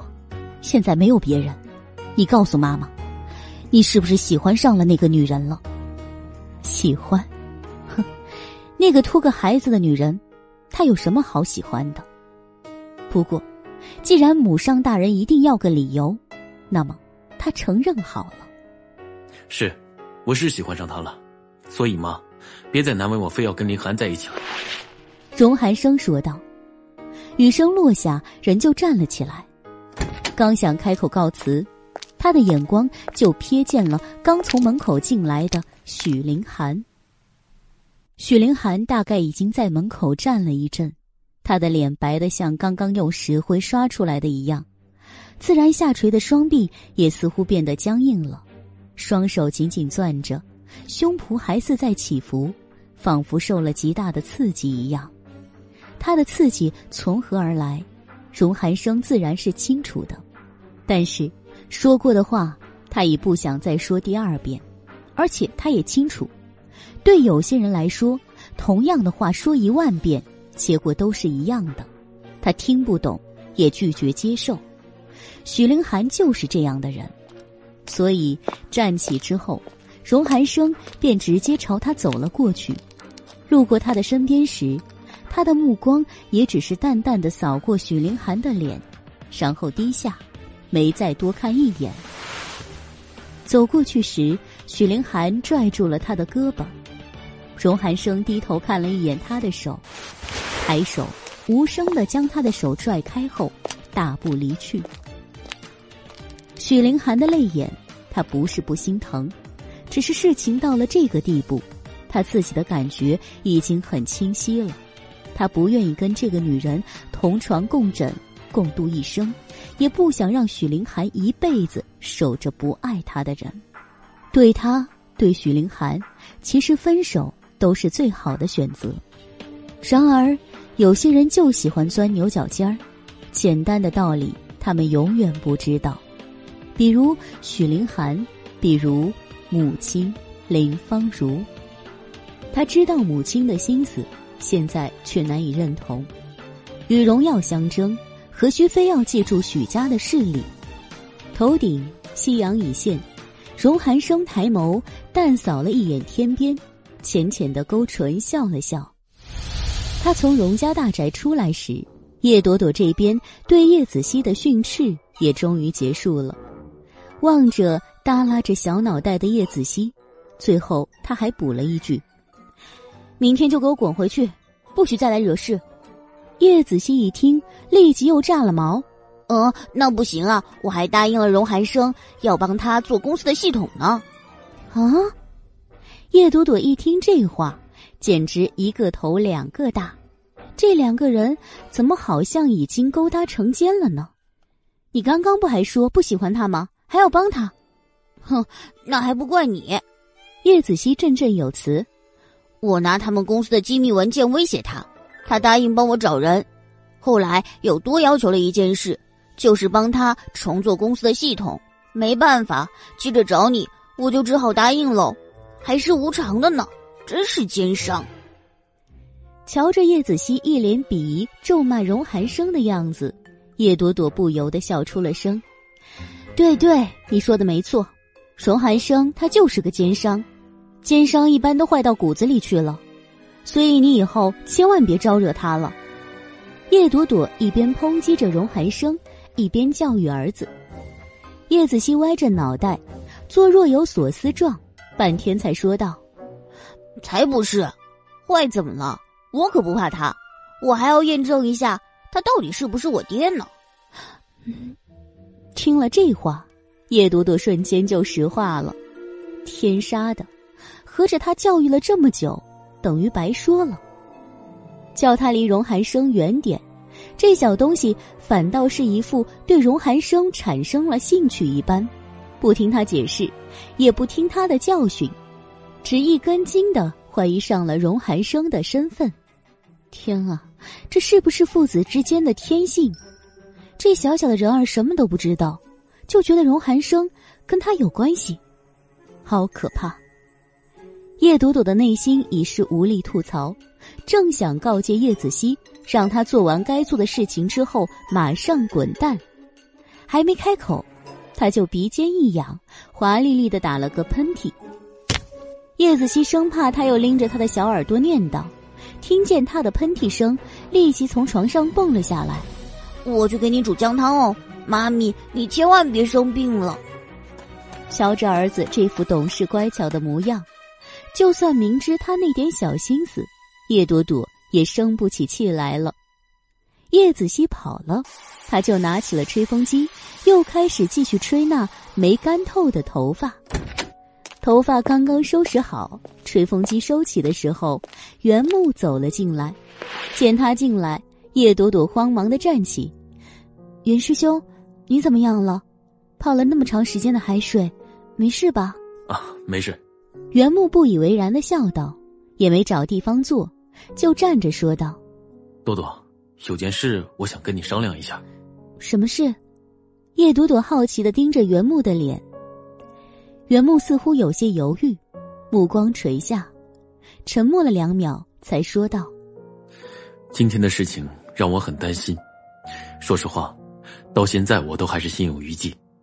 你一个女孩子，孤身在外已经很让人不放心了，现在还惹上了荣耀那样的人，实在叫人担心。所以，我打算在这里待一段时间，等你把这个棘手的局面应付过去再说。你觉得怎么样？”他觉得怎么样？他不觉得怎么样啊？当然不好了。袁木年长他几岁，对他的心思他更是心知肚明。这些年他都巧妙的避过去了，现在当然也不想更进一步。说实话，袁木确实是个很好的丈夫的人选。他事业有成，老成持重，最要紧的是，非但不嫌弃他带个孩子。这些年还对叶子熙那家伙视如己出的好，这样的人实在是无可挑剔。可偏偏他是个注重感觉的人，感觉不对，他不想勉强，所以他又怎么能让原木再走到他的身边来呢？想到这里，叶朵朵不动声色的笑了笑：“袁师兄，你说的哪里话呢？我这是回家呀。”怎么是孤身在外呢？我爸爸还在这里呢。你爸爸？原木表情渐渐变冷。多多，你家人是什么样子？你自己清楚。就拿今天的事来说吧，我昨晚就打电话给你爸爸了，可是到现在，你爸爸来过一个电话问过你吗？没有。多多，这样的父亲，你能指望得上他什么？说到这里，袁木就不受控制的表露出了气愤的情绪。叶朵朵脸上虽然还挂着笑，但那笑容里没有了轻松，多出的都是无奈。算了，我原本也没指望他们。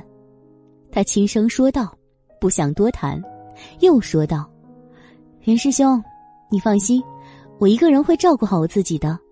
再说，你那边还有很多紧要的事情呢。别的不说，你走了，医院怎么办呢？医院的事情有副院长。”各科室主任，我离开一段时间不会有问题。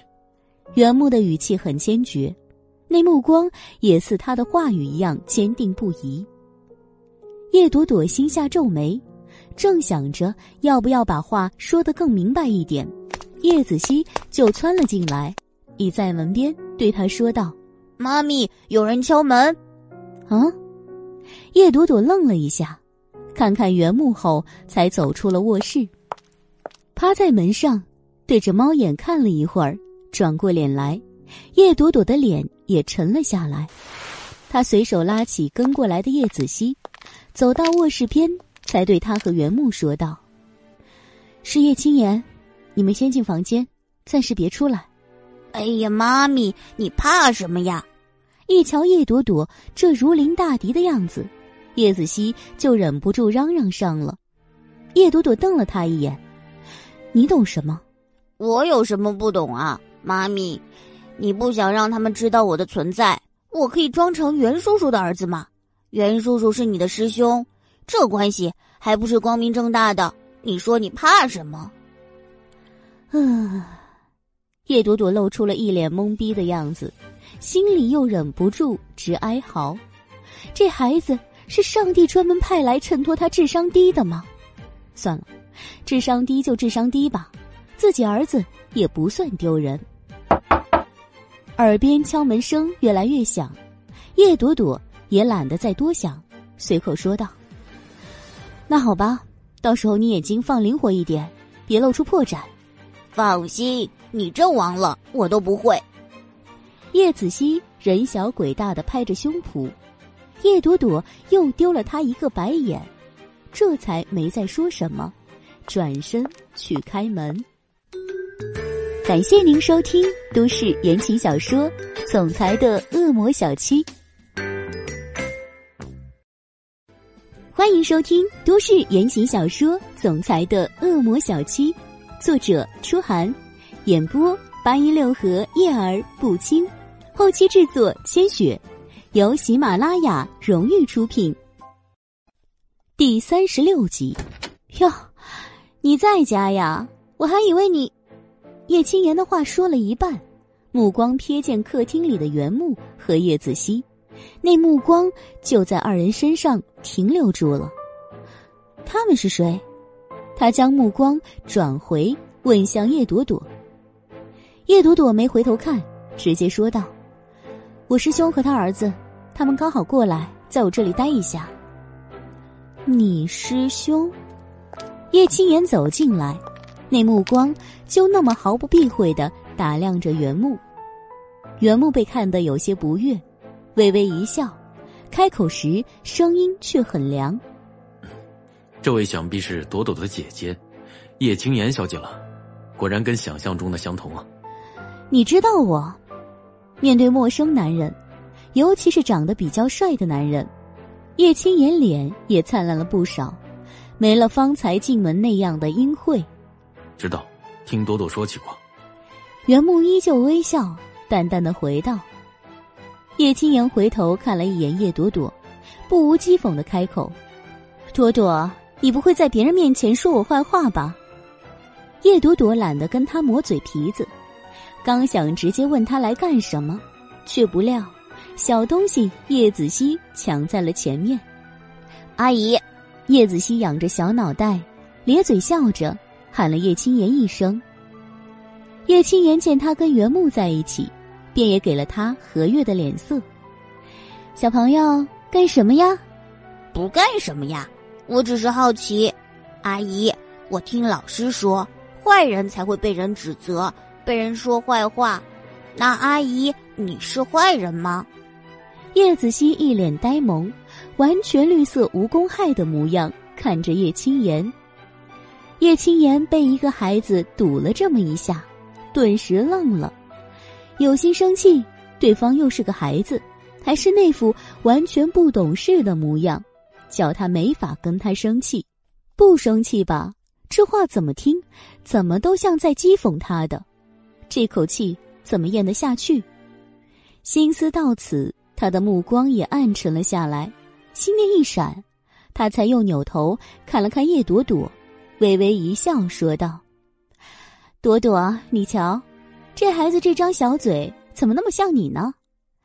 哎，我怎么越瞧这孩子相貌越像你？你呀，不会是在外几年偷偷背着家里跟谁生了孩子吧？结婚生子这样的字眼，被他替换成了跟谁生了孩子。原本正常的事情，他故意说的像偷情、私生子。”叶青言本意就是挖苦叶朵朵，可这话在叶朵朵听来，却好像一粒石子丢进了心湖，砸得他心颤。叶子熙这家伙相貌上有点像他，也不知道叶青言是不是真的瞧出了端倪。如果真被他看出什么不对劲儿来，那麻烦就来了。有这样的顾虑，叶朵朵就不打算再跟叶青言做口舌之争了。他瞪了一眼，忍不住要反驳的叶子熙，伸手拉了叶青言一把，刻意放柔了声音，略带讨好的说道：“好了，姐姐，别跟小孩子一般见识，这真是我师兄的孩子，他都六岁了，跟我能扯上什么关系？别让人看笑话。”哼。叶青言冷笑，不着痕迹的撤回自己的手臂，一双媚眼还在叶子熙和袁木脸上溜达着。袁木心知叶朵朵的顾忌，伸手一揽叶子熙的小肩膀，便说道：“你们慢聊，我和这小东西先出去逛逛。”说完，他就把一脸不情不愿的叶子熙往外扯。叶朵朵见袁木领会了自己的意思，也松了口气，直接闪开身，让他们出去。等二人走后，他才看向叶青言，说吧，你来找我干嘛？他走到沙发边，从茶几上拿了个杯子，倒了杯水，自己抿了两口，没有理会这位不速之客。叶青言转身看他，冷笑道：“哟，你可真会演呀！人刚走，脸就拉下来了。怎么，你不会是喜欢你那个师兄吧？刚才那么紧张。”人家可连孩子都有了，你想要做小三儿？不能把对方怎么样的时候，口头上的打击践踏都能带给人满足感。叶青言现在就在不遗余力的践踏着叶朵朵的精神，只不过他的精神践踏法没什么用。叶朵朵并不在意他这种不疼不痒的讥讽，只是冷淡的笑了笑：“姐姐，你的脑洞开的太大了。”小三儿这种我可做不来，这种功夫我比不上某人，自愧不如。你说呢？谁是某人？叶青言当即瞪了眼，脸阴得像个女巫。这一点叶朵朵也奇怪，她想不明白，为什么六年的时光可以把一个人改变的这么彻底。从前的叶青言虽然没有许凌寒的高贵。但是看起来跟许凌寒的感觉是差不多的，说话细声细气，温柔端庄，哪里像现在这样，一个忍不住就要炸毛，跟市井泼妇差不多了。心里鄙夷，他也讥诮的挑了叶青言一眼。我随口说说而已，你这么敏感干什么？好了，不扯这些了，还是说正事吧。你来干嘛？爸听说你出事了，打不通你的手机，非让我过来看看。叶青言一脸厌烦的说道。这句话简单带过之后，他的双眼突然又收紧了，凶狠的目光紧盯着叶朵朵，问道：“我问你，你回来干什么？是不是还想着陆景城？”叶朵朵沉默了几秒，看看叶青言，突然冷冷的笑出了声。你会不会想多了？哼，是我想多吗？昨晚在酒会上，你们那眉来眼去的样子，谁还瞧不出来？你知不知道他？他本来想说，他为了你还打了我一巴掌，话到嘴边，又觉得说出来丢了面子，便又咽了回去，只目色阴狠的瞪着叶朵朵。他什么？叶朵朵佯装懵懂的问道：“叶青言脸色有点难看，使劲儿的抿抿唇，没再说下去。”叶朵朵似笑非笑的看着他，继续喝水，也没再说什么。气氛僵持了一会儿，叶青言也仿佛撕掉了最后的面纱，直接厉色的低吼道：“叶朵朵，我警告你，离陆景城远一点，否则我对你不客气。”叶朵朵眸色浅淡的迎着叶青言愤怒的目光，抿了抿唇，语气颇为无奈的说道：“你要我怎么跟你说你才信呢？我对有夫之夫无感。你要是真这么担心，那应该去好好管住陆景城才对呀。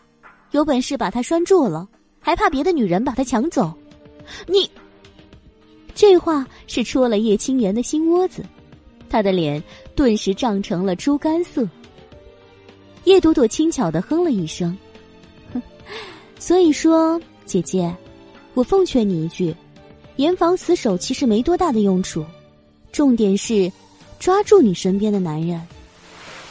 他伸手故意做了个攥紧的动作，叶青言恨恨的听着他带着明显讥讽的脸，心里恨得发毛。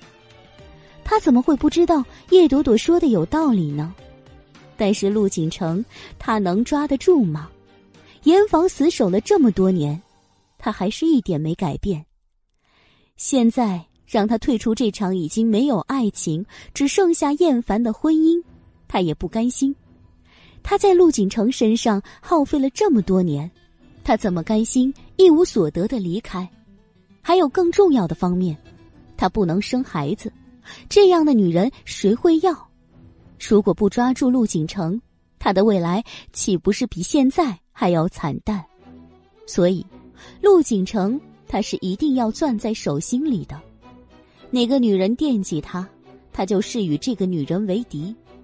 眼前这个就是叶朵朵内心怎么想的，他不知道，他只知道，这次叶朵朵归来，陆景城看她的眼光与六年前不同，那是欲望，眼里满满都是欲望。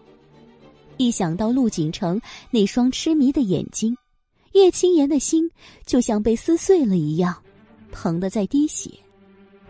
他将眼睛一瞪，死死盯着叶朵朵，阴狠的说道：“你别跟我说这些，总之不许你再跟陆景城有什么来往，不然有你好看。有他好看，怎么好看法？”叶朵朵好笑，正想开口。刚刚出去没几分钟的袁木和叶子熙竟然回来了，不光他们自己回来了，叶子熙那小东西手里还捧着一只猫。嗯，叶朵朵觉得她没见过这么丑的猫，全身褐色的毛，很多地方还脏兮兮的，就像刚刚滚过垃圾堆一样。那两只眼睛也不可爱，凶巴巴的瞪着人。喵呜的直叫唤。一见这么脏兮兮的小猫被搂在叶子熙那干净的身上，他便皱了眉。不等他开口，袁木便笑道：“啊，子熙刚刚下来，在小区看到一只流浪猫，说它可怜，非要抱回来养。我还准备带它去市里转转，没办法，先把猫送回来。”他这么说着，叶青言也露出了一脸厌恶、鄙夷的神色。阿姨，叶子熙甜甜的冲叶朵朵叫了一声，捧着猫走过去，抬起来说道：“你看，猫咪是不是很可爱？先放这里放一会儿好不好？我和爸爸走的时候再带走它。”他倒是一脸萌哒哒，只是叶朵朵总觉得这小鬼的心里在盘算着什么。盘算什么呢？反正总不会针对他这个亲妈。这么一想，他也懒得管了，直接随手一指阳台，放那儿吧。好嘞，谢谢阿姨。叶子熙笑容灿烂，抱着猫咪噔噔噔的就跑到了阳台。袁木随后跟了过去，客厅里又只剩下叶朵朵和叶青言了。姐姐，如果你来就是告诫我这些事情的话，那好了，你可以走了。我明天还要上班，今天打算早点休息。闻言，叶青言又盯向了他。我走可以，不过我今天的话，你最好记清楚。你别忘了，在叶家，我是姐姐，你是妹妹，别人永远只能叫你叶家二小姐。大小姐、二小姐的，现在又能如何？心理上的优越感而已。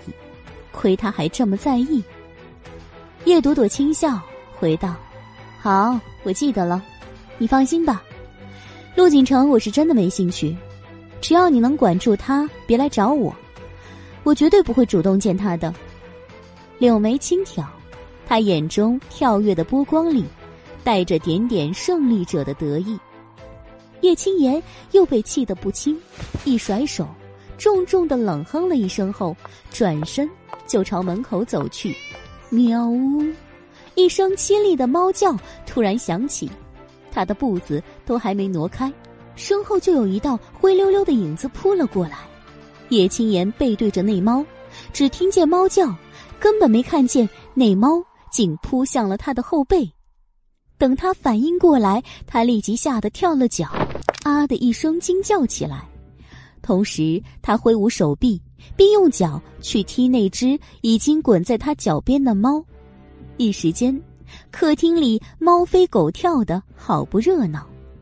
叶朵朵也不知道叶子熙这小东西在搞什么鬼，加上他自己也有点排斥这个刚从垃圾堆里捡回来的小猫咪，便也就站在旁边，没有帮叶青言的忙。这时候，那猫的肚子正中了叶青言一脚，又是喵呜一声怪叫，大概是踢疼了。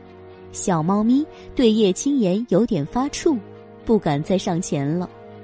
叶青言这才不再跳脚，喘着粗气，狠狠的瞪了叶朵朵和叶子熙一眼后，冷哼一声，大步走到门口，甩门出去。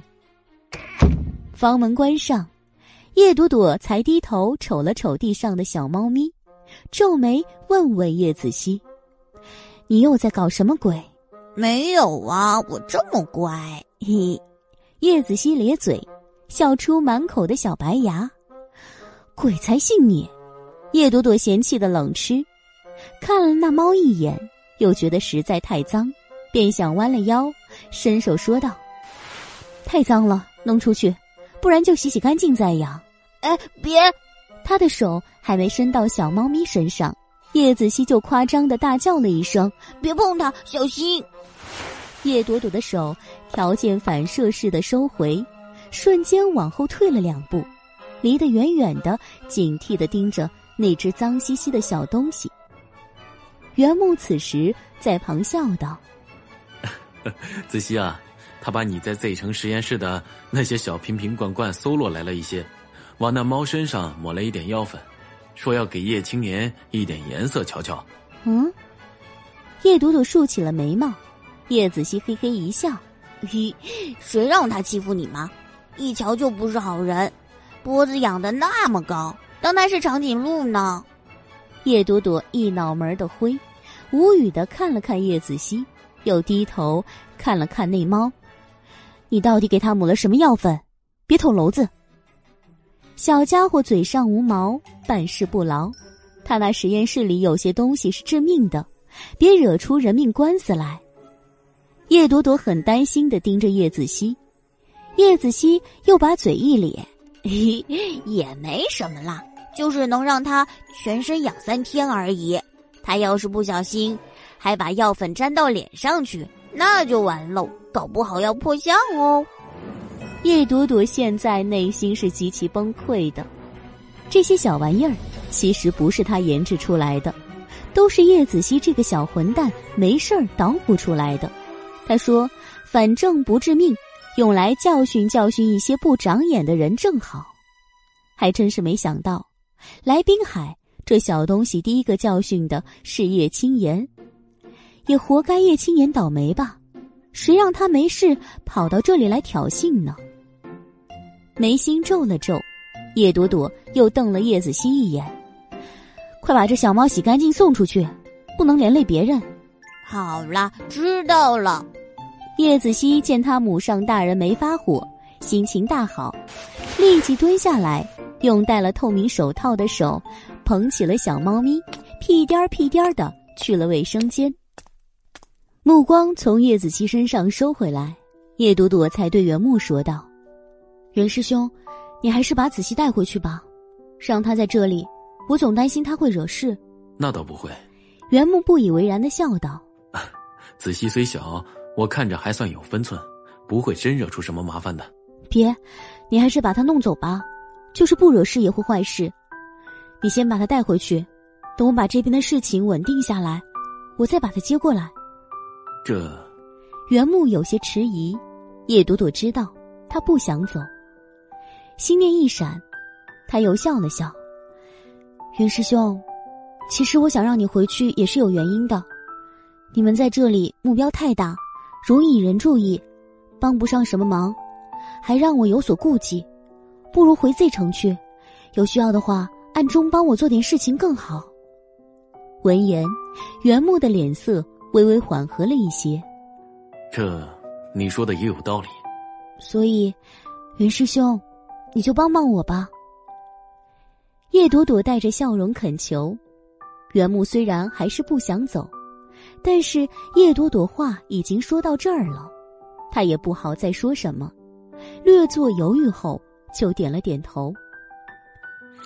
那好吧，我过两天就带这小东西回去，你一个人在这边要好好照顾自己。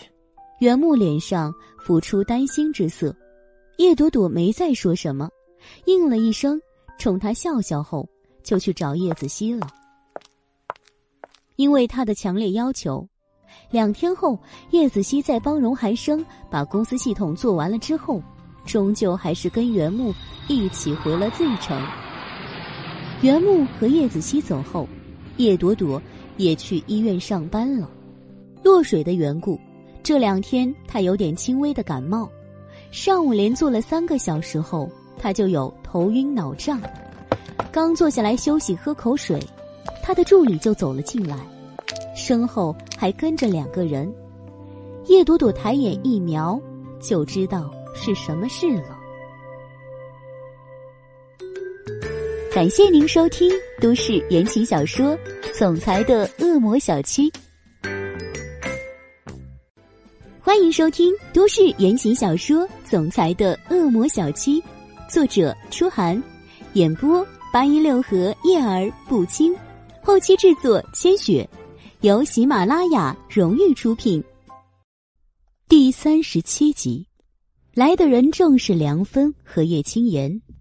梁芬一脸怒容，气冲冲而来；叶青言则是全身武装，脸上还戴着超大的墨镜，几乎遮去半张脸。叶朵朵，墨镜后的叶青言一看见叶朵朵，就冲了进来。伸手指着他，气得直哆嗦的说道：“你，你到底给我下了什么药？叶朵朵，你这个贱人，你害我害的还不够，你到底想怎么样啊？”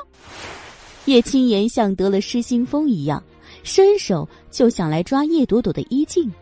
叶朵朵眼疾腿快的往后一撤，避开了他的手，随后往旁边一闪，站定，冷冷的说道：“你说什么？我听不懂。这里是医院。”麻烦你稍微有点仪态，你不嫌丢人，我还嫌没面子。语毕，一扫带二人进来的那个助理，那助理立即有眼色的转身出了办公室，还帮着关上了门。目光从门上收回，叶朵朵又看向了梁芬，他没说话。梁芬上前看了叶青言一眼，也急得瞪眼了。朵朵。我待你一直不薄吧？为什么你非要这样刻薄我们？你看你姐姐，她被你害成什么样了？这脸都要破相了。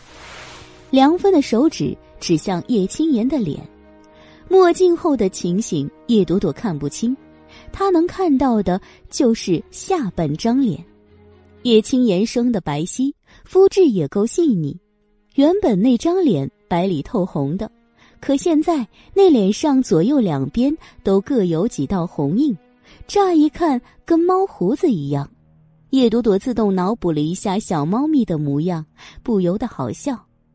还真是让叶子熙给说着了，他不小心把药粉沾脸上去了。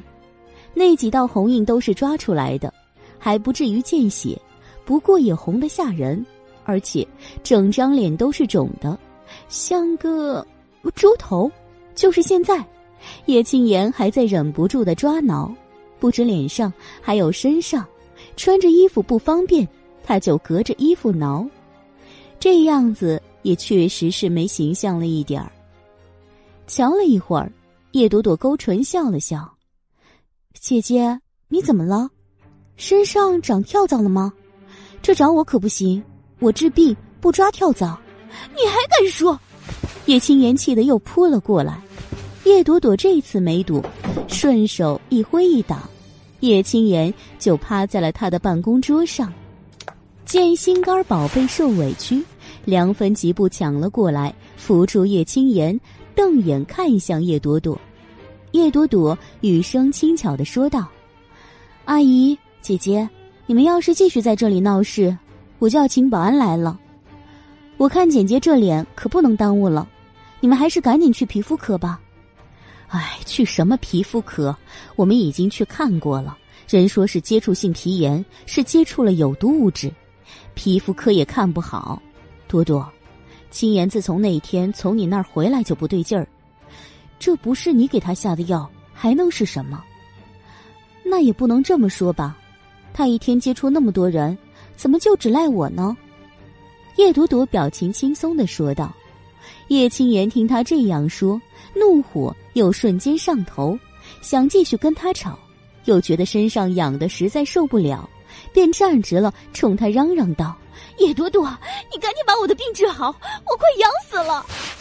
叶青言忍不住又挠了起来。叶朵朵盯着他那脸上那几道猫胡子似的抓痕，眸色闪了闪，静默了几秒，笑道：“好啊。”那先让我看看，他上前，抬手指尖抚向了叶青言的脸颊。你轻点儿，很疼的。感觉到叶朵朵指尖的力道，叶青言又不高兴的叫了一声：“轻点儿，可看不清楚是什么毛病。”叶朵朵不以为然的说道，说完便故意的加重了指尖的力道，用指甲划过叶青言的脸。惹得叶青言连叫了好几声。这么看了十几秒，叶朵朵才收回手，目光一沉，严肃的说道：“这好办，交给我好了，保证两天止痒。还要两天？两天已是最快了。”叶朵朵坐下来，抬眼冷睨他：“要是信不过我，去找别人啊！找别人，找别人能治好，还要来找他？”叶青言气得咬牙切齿，冲口想骂，手就被梁芬摁住了。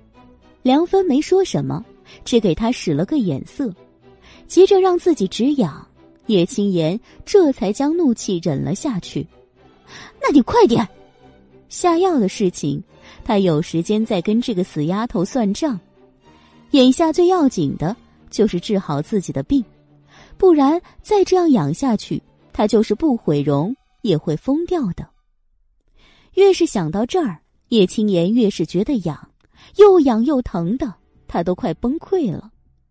见叶朵朵还在悠哉悠哉的不着急，叶青言又急，嚷嚷道：“你倒是快点啊！磨叽什么？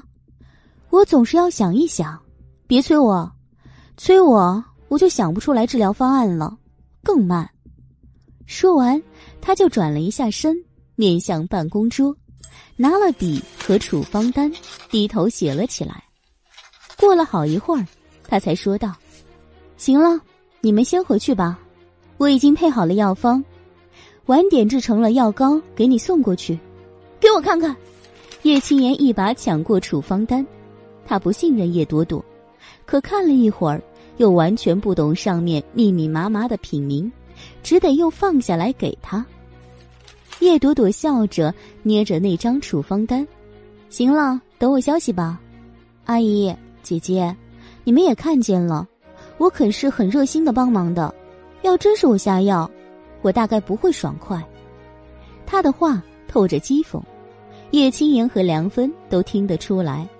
只不过这二人心里虽然有些疑惑，但还是怀疑叶朵朵的成分居多。叶朵朵根本无所谓。这二人是不是怀疑他？所以说完就站了起来。你们先走吧，我这里事多，人来往也多。瞧见姐姐这副样子可不好。梁芬和叶青言一听也对，就没再说什么。待叶青言整了整脸上的墨镜之后，二人才快步离开。这二人出了主任办公室的门，就尽量的低着头。他们走得极快。也没朝两边看，所以并不知道在进电梯的时候，与他们擦肩而过的人朝他们投去了疑惑的目光。两分钟后，叶朵朵这间刚刚安静下来的办公室，又迎来了第二位访客。这人是他从前没有见过的。来人是个中年女人，看起来不到五十。一身雅白色香奈儿当季的套装，配着浅紫色的漆皮小手提包，一进门就给人一种贵妇驾到的即视感。叶朵朵还在揣测她的身份，这女人已经优雅的走到她面前，自报家门了：“你是叶小姐吧？我是韩生的妈妈。”叶朵朵在心里抽了一口悠长的冷气。荣寒生的妈妈，她来干什么？千算万算，她也没算到，眼前这位竟是荣夫人。可问题来了，他有什么事要惊动这位荣夫人的吗？瞧他的样子，面上虽然带着笑，可那唇角扬起的弧度却不明显，下巴甚至微微的挑着，明显的气势迫人。这样子应该是来兴师问罪的吧？叶朵朵心里嘀咕着，动作却没迟疑，他赶紧站了起来，也回以一笑。您好，容妈妈，您有什么事吗？哈，也没什么事。我听说你在这里，过来看看你，顺便跟你聊聊。林芳如嘴上说着没事儿，手已经拉开了办公桌对面的座椅，坐了下来。叶朵朵微微蹙眉，走出座位，说道：“我给您倒杯水。”不用了。林芳如立即制止。瞄了墙角的饮水机一眼，淡淡抿唇：“我不喝这样的水。”叶朵朵僵了一下，总觉得林芳如那清冷的眼光中另有深意。人家看不上他的水，他也就没再去献殷勤。一转身，他也坐了下来。容妈妈，您想找我谈什么？叶朵朵随手捏了一支水笔，在指尖上转着玩儿林芳如双眼直视着他，先是垂了一下眼帘，目光挑起，才淡笑道：“哼，你可以叫我荣夫人，也可以叫我林女士。说实话，我这个人不太喜欢跟人家套近乎。套近乎。”叶朵朵转笔的动作停了一下。不着痕迹的撇撇嘴，点了点头。那好吧，荣夫人，你想跟我说什么？至此，叶朵朵已经彻底感觉到了来者不善，她的目光已变冷。林芳如脸上一直维持着端庄笑容，也淡了一些。叶小姐，跟韩生很熟吗？这个开场一问，有点像那日在会所，许凌寒的开场白。瞬间，叶朵朵有点明白了，套路嘛，他就按照套路回答好了。还行吧，接触过几次。哦，林芳如点点头，眉梢的笑意有点冷冽，那眼神扫过来，像深秋里的风，刮得人脸疼。仅仅只是接触的话，韩生为什么会在你那里过夜？叶朵朵眉心一挑，心底有些惊骇。这位荣夫人手眼通天啊！荣寒生在他那里待过一夜，这样的事情都知道。哎呦喂，您这么厉害，您儿子知道吗？叶朵朵在心里翻了个白眼，脸上扯出一点浅淡的笑意。他为什么在我那里过夜？这个你还是直接去问他吧，毕竟也不是我请他去我那里过夜的。他轻飘飘的把这本该让人尴尬的话给挡了回去。林芳如脸上像被撒了一把灰似的，灰蒙蒙的。叶小姐，她加重了语气，眉宇间笑容完全敛去，只剩下咄咄逼人。年轻的女孩子要自重，何况韩生也快订婚了，你这样做会不会太不知进退了？不知进退，叶朵朵好笑，听得出来，这词已经是很委婉的说法了。她其实本来想说的应该是不知羞耻，可是不知羞耻的应该是他儿子好吗？荣夫人。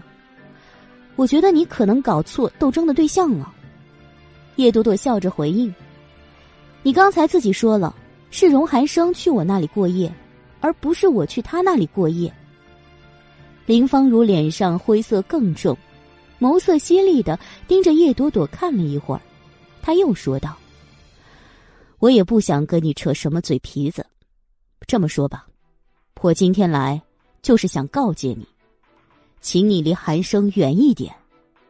说到这里，他停了一下，话锋突然一转，又说道：“当然，我也不是平白过来要求你的。我大概知道一点你和你父母之间的事，知道你现在在叶家的处境并不好。这样吧，我这里有张支票，数额你随便填。”他低头，从那个浅紫色的小手包里取出了一张支票，两指压着，推到了叶朵朵面前。叶朵朵垂眸，目光落在他那涂着亮裸色甲油的指甲上，轻轻一审。荣夫人可真大方。一张空白支票，数目由他填，不能说不大方。林芳如收回了手。叶小姐声名在外，想必一般的小数目你也看不上眼。这个，算是我的一点心意。拿钱买别人的尊严，这也算心意？好吧，他说算就算吧。叶朵朵心里有些厌烦眼前这位荣夫人这种高高在上的样子，懒得多说，只将那张薄薄的支票给捏了起来。行吧。荣夫人这番心意，我若是不领，那就太不懂事了。支票我拿了，谢谢荣夫人。不过有一点，我还想提醒荣夫人。你说。见他收了支票，林芳如明显松了一口气。叶朵朵目光轻闪，浅笑自若的说道：“我只能保证我自己不主动去招惹荣寒生，但是荣寒生会不会再来招惹我？”那我就不能保证了。事实上，我也希望他能离我远一点，还请荣夫人回家，也给你儿子上上思想政治课。他不来，我不去，这样我们都安生了，是不是？闻言，林芳如那刚刚轻松下去的脸色又沉了下来，但他没再说什么，盯着叶朵朵看了一会儿，就站起来，转身走了。等林芳如的背影消失不见，叶朵朵才把目光又挪回到手里的支票上。她用手指轻轻弹了两下，冷笑了一声，随后就把支票一折，随手塞进了包里。这一天，由于叶青言和荣夫人的到来，显得格外的精彩。时间过得快，接下来的几天，叶朵朵这边都平静无波。跟各方面都相安无事的过了一个礼拜之后，新一周的周三这天，叶朵朵接到了荣寒生的电话。看着屏幕跳跃着的那三个字，叶朵朵还有些意外。自从被荣寒生从荣耀手里救出之后，那男人可消停了一阵子了。今天怎么突然打电话过来？犹豫了一下。他还是接通了电话。跟他料想不同的是，荣寒生找他没有什么特别的事，只是想请他吃饭。他的理由是，叶子熙帮忙做的系统，经过这段时间的验证后，显示了他非同寻常的优良性。为了表示他的感谢，他要请他母子俩吃饭。荣寒生提出要求之后，叶朵朵想起了那张到现在。还放在自己包里的空白支票。未有多犹豫，他直言告知荣寒生，叶子熙回去了，而他自己不是很有空。电话那边，荣寒生什么表情，叶朵朵不得而知。他只知道那边沉默了几秒，才传来一句：“好吧，再见。”再见，还在什么见？叶朵朵沈笑。事实上。地皮拿到手之后，他就觉得他跟荣寒生最好别再见了，他们最好是从此井水不犯河水，这样他就能守着叶子熙那个宝贝儿子，安心的过他的小日子了。所以，他才会收了荣夫人那张支票，目的就是给荣夫人传递一个信号：他真的无意跟荣寒生多接触。荣夫人这号人物，他不想沾染。更不想刺激他给自己惹事，即便他没打算从那张支票里取钱出来，但收了支票，荣夫人才能心安。从此不来骚扰他。这是叶朵朵的初衷。只可惜荣夫人大概没管住荣寒生，他又打电话来了。挂完了电话，叶朵朵盯着自己那只右上角还贴着 Hello Kitty 的桃粉色的手机，发了一会儿呆。回过神来，他才将手机收起，埋头继续工作。感谢您收听都市言情小说《总裁的恶魔小七》，欢迎收听都市言情小说《总裁的恶魔小七》，作者：初寒，演播：八一六合叶儿不轻，后期制作：千雪，由喜马拉雅荣誉出品。第三十八集，这天到下班的时候，他的手机又响了。这次不是荣寒生，而是陆景城。看到这个名字，叶朵朵首先涌起的就是厌恶的情绪。他是想都没想的就挂断了电话，却没想到，电话又一次执拗的响了起来，响得他心烦，最后索性关机，将电话塞回包里。叶朵朵提了包就离开了办公室。他买的车已经开上了。就停在医院门诊大楼左边的空地上。去提车的时候，叶朵朵惊讶的发现，陆景城竟然站在大门口。他的车停在门外，他就倚在车边，好像是守株待兔一般的朝大楼这边张望。叶朵朵看见了他，陆景城自然也看见叶朵朵，那抹娇俏的身影一落入眼中。陆景城就立即拔腿朝这边跑了过来，叶朵朵原地站了一会儿，嫌恶的皱起眉头，停了几秒，又继续朝自己那辆红色的小车走了过去。快到车门边的时候，他被陆景城拦住了：“朵朵，我给你打电话，为什么不接？”没听见。朵朵随口回道，清冷目光在陆景城脸上扫了一下，不无讥诮的开口道。姐夫，你有事吗？姐夫这个词，陆景城现在是越来越讨厌听见。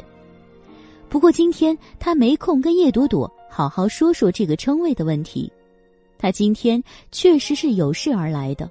朵朵，我问你，你是不是还在恨我？叶朵朵愣了一下，旋即用一种看神经病般的目光看着陆景城。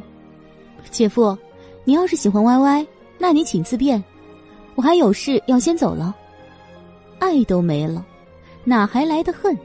这男人脸真他妈的大，亏他现在还能问出这种话来。叶朵朵心里鄙夷着，但是陆景城接下来的话却让他有些懵。朵朵，你要是不恨我，为什么让荣寒生跟我过不去？你恨我，你可以跟我谈。事情过去这么多年了。说实话，我也后悔不已。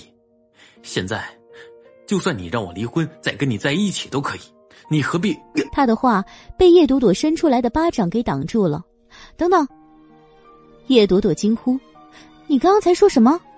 我说：“我说，就算你现在让我离婚，不是这句。”叶朵朵果断打断陆景城那不着调的话，水眸一脸，目光灼灼的盯着他，有些不敢相信的问道。你刚刚说，我让荣寒生跟你过不去。他瞪大晶亮的眼睛，指了指自己。陆景城愣了一下，旋即点头：“对，朵朵，我知道这事是你干的，不是你，我想不出还有谁。你跟他相熟，又恨我，你，你妹呀！”叶朵朵忍无可忍的爆了粗口：“陆景城，我麻烦你别这么善于联想分析，行不行？”你到底怎么了？先把事儿给我说清楚。有的人他就欠吼，你一吼他，他才能正常一点。陆锦城现在就属于这一类。叶朵朵吼了这么一嗓子之后，他愣了一下，回神才急忙说道：“陆氏跟帝晴一向都有合作，本来项目进行的好好的，我们所有准备工作都做好了，就等项目开工了。可是昨天地情方面突然单方面毁约了。”他们那边的负责人还问我是不是得罪了上面的人，我我花了很大的力气才打听到，原来是荣寒生的意思，说什么我们资质不行，这根本就是敷衍的借口。我们合作也不止这一次了，怎么会突然资质不行了？陆景城有些激动，越说越急，脸都涨红了。叶朵朵一直盯着他，最后惊讶的小嘴都成了 O 型。你。你说那是荣寒生的意思？对，地勤内部的人跟我说的，不会有错。陆锦成答得很肯定。不等叶朵朵从惊愕中回神，他就双手掐住了叶朵朵的肩膀。朵朵，我根本没得罪过荣寒生，大家都是生意场上的人，他也犯不着这么对我。除非是你，是你授意他这么做的，对不对？多多，你对我的恨真的这么深吗？如果是这样，你给我一个改过的机会好不好？你听我说，其实我今天来也不是质问你这些的，我其实是想跟你说，我愿意改过。叶青言那个女人，我早就烦透了，她哪里比得上你分毫？多多，现在只要你一句话，我可以立即跟他离婚，好不好？这陆景城也不知道是不是早上出门忘了吃药了，手劲儿下得极大。吓得叶朵朵觉得自己的肩胛骨都要碎了，好好什么呀！他气愤的吼了一声，怔了一下，没挣开陆景城的钳制，又瞪向他：“你放开我，不然我对你不客气。有病就去治，别到我这里来发疯。你们生意上的事情我不知道，也跟我没有半毛钱的关系。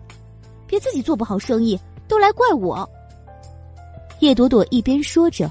一边也没停了挣扎，实在挣不开，她也火了，抬脚就朝着陆景成的脚狠狠的跺了过去。陆景成脚上吃痛，不得不松开他。叶朵朵现在是多看他一眼都觉得多余，当下便推开他，跨到了自己车门边，伸手攥住了门把手，打算开门进去。这时候，陆景成回过神来。又一把攥住了他的胳膊，将他扯了过来。叶朵朵身板小，重量低，被他这不要命的一扯，立即就转了半个圈儿，头都转晕了。好不容易站稳，他的身体就被陆景成给紧紧抱住了。朵朵，我知道你还爱我，要不是爱我，你不会让荣寒生来跟我过不去。其实，其实从你回来那时候起，我就知道我后悔了。你再给我一次机会好不好？犹记得六年前，他还跟陆景城你侬我侬的时候，他的怀抱也是他最喜欢的。只可惜，那时的温暖，经过了六年，现在热度已经褪尽，只剩下了恶心了。叶朵朵心一横，牙关一咬，立即抬起右腿朝陆景成的小腿狠狠的踢了过去。他下脚的地方很准。专门用鞋尖对着陆景成的小腿骨踢。刚开始，陆景成还没有理会他这样的反抗，双臂紧紧搂着，就是不放手。到后来，实在受不住腿上的疼，他才将他松开。叶朵朵感觉到圈在自己身上的两条手臂松开一些时，立即就伸手用力推向了陆景成的胸口。陆景成被他推得往后退，叶朵朵自己也慌忙的往旁边撤。这个时候，他脑子里正想着，要不要扬起脖子朝治安岗亭那吼一嗓子，叫保安来帮忙对付陆景成。心思集中在这上面，他就没有注意到身边的状况，没注意到身后正有一辆车从停车场处驶来。也没有注意到，有人已经疾步掠到了他的身边。感觉到眼前这个人影有点熟悉的时候，他的胳膊就又被人攥住，然后以刚才差不多的姿势，他华丽的又跌入了一个人的怀抱里。这次不是陆景成，而是荣寒生。看清头顶那张脸，叶朵朵心里只喟叹了一句。这可真够乱的！刚刚站稳，身后就传来一声叫骂：“搞什么呢？不长眼呢！要谈恋爱回家谈。”还在荣寒生臂弯上挂着的叶朵朵，慌忙回头看了一眼，这才出了一脑门的冷汗。他身后已经抵上了一辆银灰色的大众汽车，很显然，刚刚荣寒生拉了他一把，救了他，否则的话，他现在就倒在车轮前了。这个地方车刚开出来，车速都不太快，但真被撞这么一下的话。想想，叶朵朵都觉得全身骨头疼。有了这个认知后，他对那条紧紧圈在自己背上的手臂就没有了抵制感。荣寒生显然不太想节外生枝，所以没搭理那个司机。那司机骂骂咧咧两声后，头又缩了回去，开车走了。等那车从他们眼前划过去后，荣寒生的手臂才松了下来。叶朵朵看他的时候，他正微皱着眉头，抬手看着自己的手背，顺眼看去，叶朵朵愣了一下，他的手背被划出了一道很粗的血痕，足有三指宽，最严重的地方破了皮，已经渗出了血来。看来是刚刚救他的时候，手背被车的后视镜给刮了。叶朵朵的眉毛拧了起来，也没多犹豫。便说道：“跟我来，我帮你处理一下。”荣寒生没有说话，手臂垂下来，就看了陆景城一眼。那一眼的冷冽气势刺了陆景城一下，他也不知道是不是被刚才的惊险给吓了，还是被荣寒生和叶朵朵那亲密的姿势给震惊了。反正一直没动静，只盯着他们看。待荣寒生那一眼扫过来时，陆景城才慌忙冲荣寒生说道：“呃，韩少，我们项目的事情，项目的事你找相关的人谈，我不负责这么琐碎的事。”荣寒生的一句冷话，就把陆景城想说的话给堵了回来。叶朵朵瞥了陆景城一眼后，直接催荣寒生：“走吧。”两人就这么一前一后的走了。都没有理会陆景城那瞠目结舌又愤愤不甘的样子。重新回到办公室，叶朵朵取了药水和纱布过来时，荣寒生已经很配合的将手抬了起来。过了这么一会儿，他手背上那伤口更吓人了，破皮的地方出了不少血，染红了一大块，看着触目惊心。叶朵朵不由得皱眉，随手从办公桌上拽了纸巾，轻轻的在伤口上蘸了两下。纸巾上沾染上殷红的血迹后，他才看清，荣寒生这手背伤的还真不轻。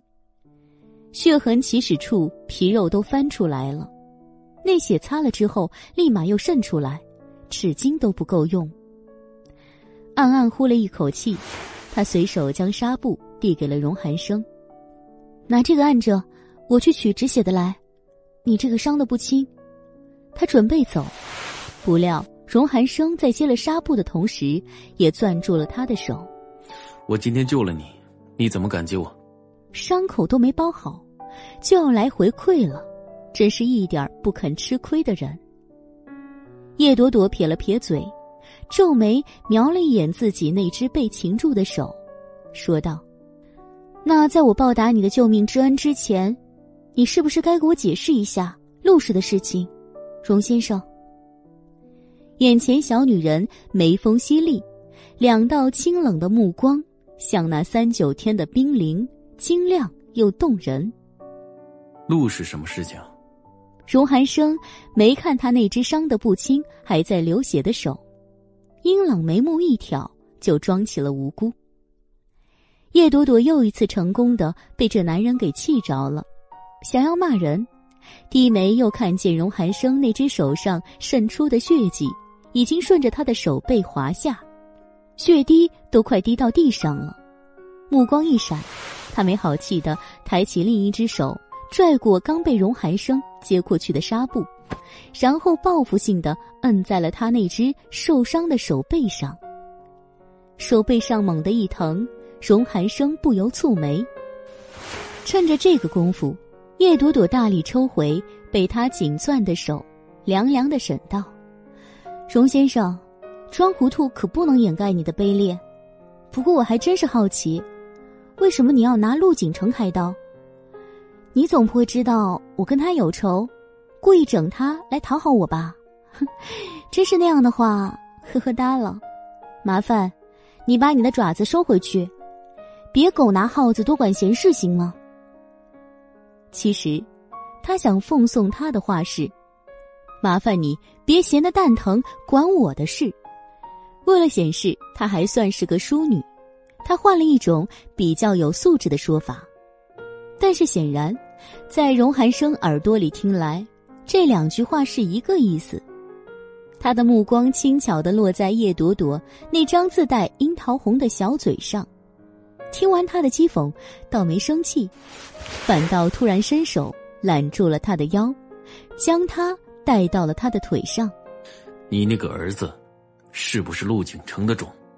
叶朵朵真是被这句话给吓着了，坐在荣寒生腿上，连挣扎都忘了，就那么呆呆的，瞪眼张口的看着荣寒生。见他发呆，荣寒生又轻佻的勾起了薄唇，讥笑了一句：“哼，别这么饥渴的看着我。”我不是陆景成，你比陆景成能好多少？被刺激的回神的叶朵朵腾的一下站了起来，跑开一米远，与他保持了一个他认为比较安全的距离。你要是不想让我帮你处理伤口，那么门在后面，请滚！别有事没事扯这些莫名其妙的。虽然说，他怀疑儿子是别人的，对他来说很有利。但是，怀疑谁不好啊？非要怀疑陆景成，想着都难受，简直让人没法不生气。叶朵朵气红了小脸，恶狠狠的瞪了荣寒生一眼后，快步走了出去。他知道，这个无赖手没弄好，肯定不会离开。未免他有更充分的理由赖在这里，他决定先去取止血剂，赶紧处理好他的伤口，好让他。哥文滚！荣寒生也确实是打定了这样的主意，所以在叶朵朵负气离开后，还依旧气定神闲的坐在那儿，挪都没挪一下。过了一会儿，如他所料，那小女人捧着药具器材进来了。抬手！叶朵朵捏着药棉，没好气的命令。荣寒生唇边挑着极淡的笑意，配合的抬起了手。他看着叶朵朵那只素白的小手，在土黄色的药棉蘸上伤口的时候，他又发了话：“我们做个交易如何？”交易？叶朵朵皱眉，警惕的盯着荣寒生。四目相碰，荣寒生薄唇轻启：“我帮你保守这个秘密，你以后在我面前老实点。”闻言，叶朵朵立即又跳了脚。他气急败坏的捏着那药棉，又在那看着有点渗人的伤口上使劲儿的摁了一下。荣寒生，你怎么那么卑鄙呢？我怎么卑鄙了？荣寒生耍无赖的功夫一流，脸不红心不跳，淡定自若，有种泰山压顶，我自岿然不动的牛逼感。六年前，你才不到二十岁吧？小小年纪不学好。未婚生子，这事要是被叶总知道了，他大概得扒了你的皮。还有那个陆景成，那样的便宜儿子，你说他会不会想要？话到这里，事实上，荣少的心里有点拧巴，但是他脸上没把这种拧巴的情绪表露出来，挂出来的只有浓浓的讥讽。叶朵朵被他前半句话给吓着了。然后又被后半句话给气着了，心头在瞬间滚过了一万只草泥马，压了压那快要如火山喷发式不受控制的情绪后，他决定首先回复他的后半句：“荣寒生，我警告你，别给人乱扣帽子。我的儿子跟陆景成没关系，信不信由你。但是请你不要用这点来要挟我，本姑奶奶不吃你这套。”真没关系。荣寒生微微眯起了眼眸，求证的盯着叶朵朵。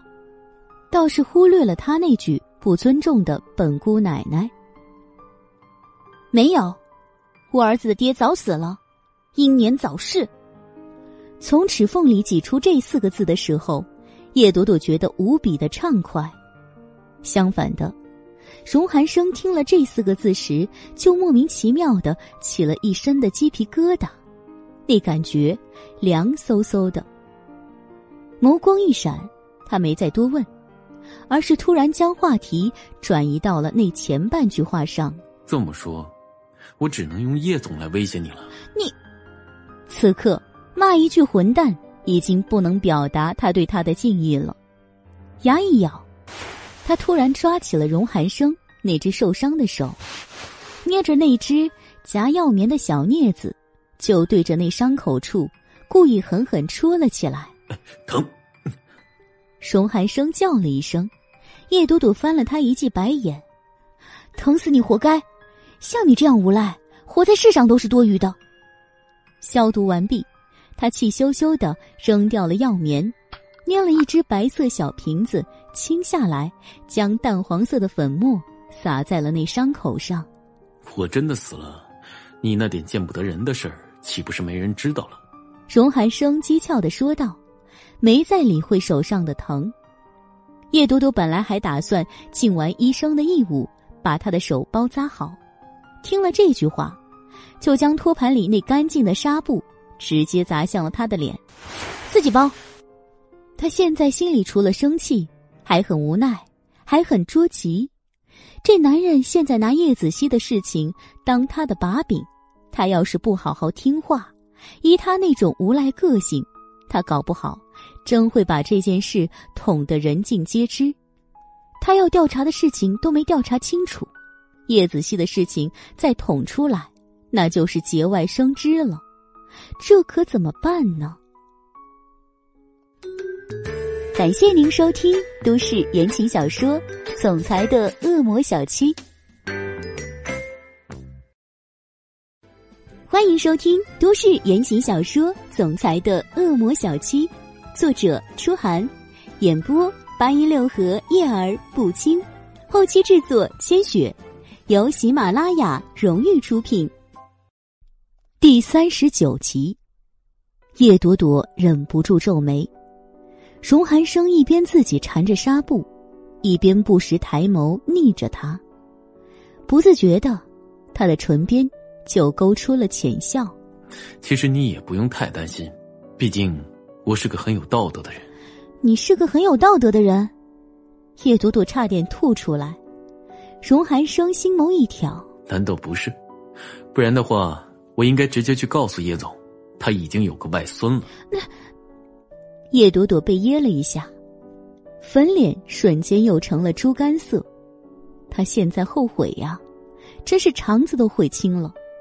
早知道这男人如此恶劣难搞，六年前他给他用什么不举的药啊？他应该直接给他来一点七步断肠散什么的，这样今天就不用受这个窝囊气了。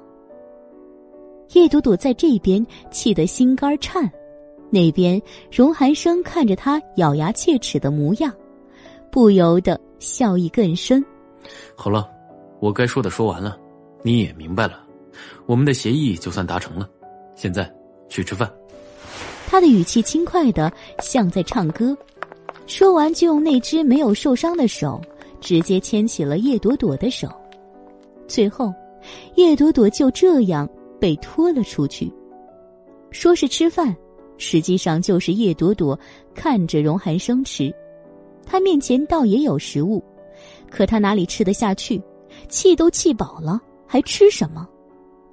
瞪着荣寒生，他心里就很不厚道的咒上了：“吃吧，吃吧，撑死你才好。”荣寒生选的是一家中餐厅，大概是因为心情愉快的关系。手疼的他都能轻松自如的吃了一大碗饭，只不过偶尔他要指使一下对面那个只瞪着他不吃饭的女人，帮他夹菜。叶朵朵不想再跟他做无谓的言语斗争，只能认命的担任夹菜工的任务，只是偶尔忍不住想把那菜给扔他脸上。一顿饭吃完，叶朵朵肚子几乎是空的，荣寒生却吃得相当满意。出餐厅的时候，叶朵朵其实已经想好了一万种拒绝荣寒生再有新提议的借口，没想到的是，他瘪足了劲儿，打算跟他好好辩论一番的时候，他那边倒偃息旗鼓了。他没有任何要求，只将他送回了医院去开车，然后自己就走了。这让叶朵朵松了一大口气。只是他万万想不到的是，荣寒生这么顺畅离开，其实是惦记着另一件事要赶紧吩咐下去。黑色锃亮的劳斯莱斯里，伊森侧目看了看荣寒生那只受伤的手，眉心忍不住皱起。呃，老大。你没事吧？没事。荣寒生语气轻快，看了看自己的手，心眸里全无欲色，反而荡漾出了一抹笑意。伊森不解他这份愉快从何而来，心里只觉得，自从遇上了那位叶医生，他家老大越来越像受虐狂了。正暗自吐槽着，就听荣寒生的语气严肃了起来：“有件事你去办一下，老大，你说。”伊森立即肃然起来，荣寒生放下手，目光看向前方，直视着灯影朦胧的夜色。去一趟 Z 市。他语气沉缓的吩咐完，伊森已经惊得姥姥家在哪儿都忘了。呃，老大，那那不好吧？那孩子他机灵着呢，万一被他发现了，叶小姐追问起来，恐怕有您受的。一句话说完，他就觉得不对了。哎呀妈呀！老大的脸色真吓人，他是说错话了吗？反应过来，伊森立即解释道：“哦哦，老大，您别误会，我我不是那个意思，我我是说吧，叶小姐那种女人很烦的，到时候她闹起来你也受不了。他烦不烦人是你说的吗？”荣寒生突然冷冽的扫来一眼，伊森被噎了一下。脑袋有点冒冷汗。天神啊，这话到底应该怎么说呀？贬低了老大不对，贬低叶小姐也不对。他现在真的好后悔，上学的时候没有好好学习语文，这说话的艺术他还差点火候。心里打鼓，他也不敢多说了，干脆闭了嘴，静等着荣寒生的指示。荣寒生在瞪了他一会儿后，脸色缓和，才又说道：“这件事你亲自去办，不许让那个小鬼知道。办砸了，你也别回来了。”伊森后背凉飕飕的冒冷汗，“别回来，这是要抛弃他了？不要吧，这么狠！”你有意见？荣寒生冷眼睨来，伊森慌忙回神，头摇得拨浪鼓似的：“不敢，不敢。”我一定办好，老大您放心。可是，老大，我能问一下，您为什么要这样吗？表完了决心，伊森又不怕死的问了一句。荣寒生眸色放柔，笑意敛艳。哼，我愿意。伊森石化了，张了张嘴，没再说什么。老大，您这个愿意可真太离谱了。算了，还是先替自己祈祷吧。感觉那孩子也不是什么好对付的主，这件事儿还真得好好想个招才行。伊森头大了，开着车一路都闷不作声，没再言语。叶朵朵一顿晚饭被气得没吃，回去就饿了，又泡了一碗泡面，连汤带水的喝掉，才算满足。躺在床上，他脑子里。就都被荣寒生那句威胁给填满了。虽然他也看得出来，荣寒生暂时还没打算真的把他的秘密告诉叶明远，但是，就算他不告诉，可他总捏着他这个把柄，也着实让人头疼啊。这一晚上，叶朵朵被这桩烦心事搅得睡也睡不好，在床上翻了半夜，才勉强睡过去。叶朵朵是个一没睡好就觉得浑身不对劲儿的人，所以第二天她到医院的时候都是昏昏沉沉的。昏了半日，下午上班时，她就准备泡杯浓咖啡给自己提提神。香浓摩卡刚进嘴，门外就响起了一阵喧闹和嘈杂。医院时常有紧急事件发生，偶尔的吵闹也是再正常不过的，所以刚开始叶朵朵没打算理会。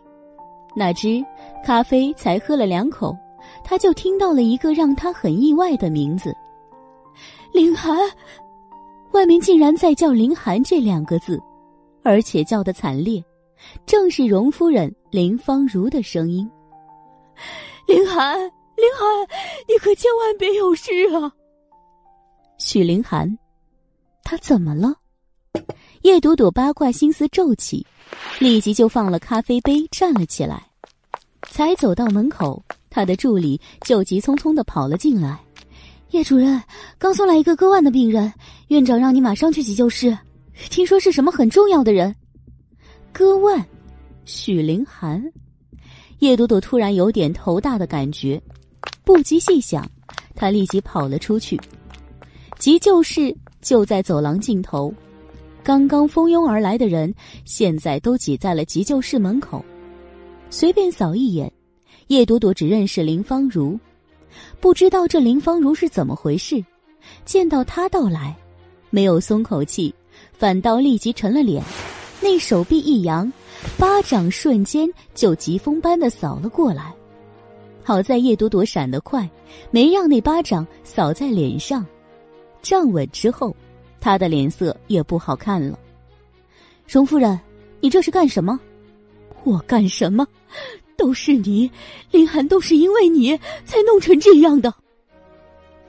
许凌寒背景复杂，若是真因为荣寒生的事情死在了荣家，他父母那边可怎么交代？林芳如是急过了头，什么端庄，什么贵妇，都抛到了脑后去了。他现在把这一切都归咎在了叶朵朵头上，要不是因为这个女人。他儿子大概就不会跟许凌寒分手，许凌寒也不至于想不开，非要割腕不可。这念头自窜起就根深蒂固的存在了下来，弄得现在林芳如见叶朵朵，就活像见了宿世仇敌，恨不能灭之后快。叶朵朵从他这只言片语中也猜到了事情的原委，但此时还不是去跟林芳如争辩。他到底有没有责任的时候，他是医生，医生有他的责任。此时他最该考虑的是许凌寒的伤势问题。往里面看了一眼后，叶朵朵冷言对林芳如说道：“荣夫人，如果你还想让他活着，现在就最好别跟我闹这些，没用。”一句话甩出，他便推开了人群，闪身进了急救室，而后关上了门。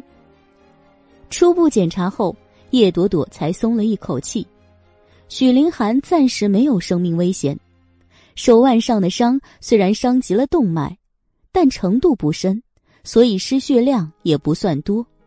现在他只是昏迷，其他并无大碍。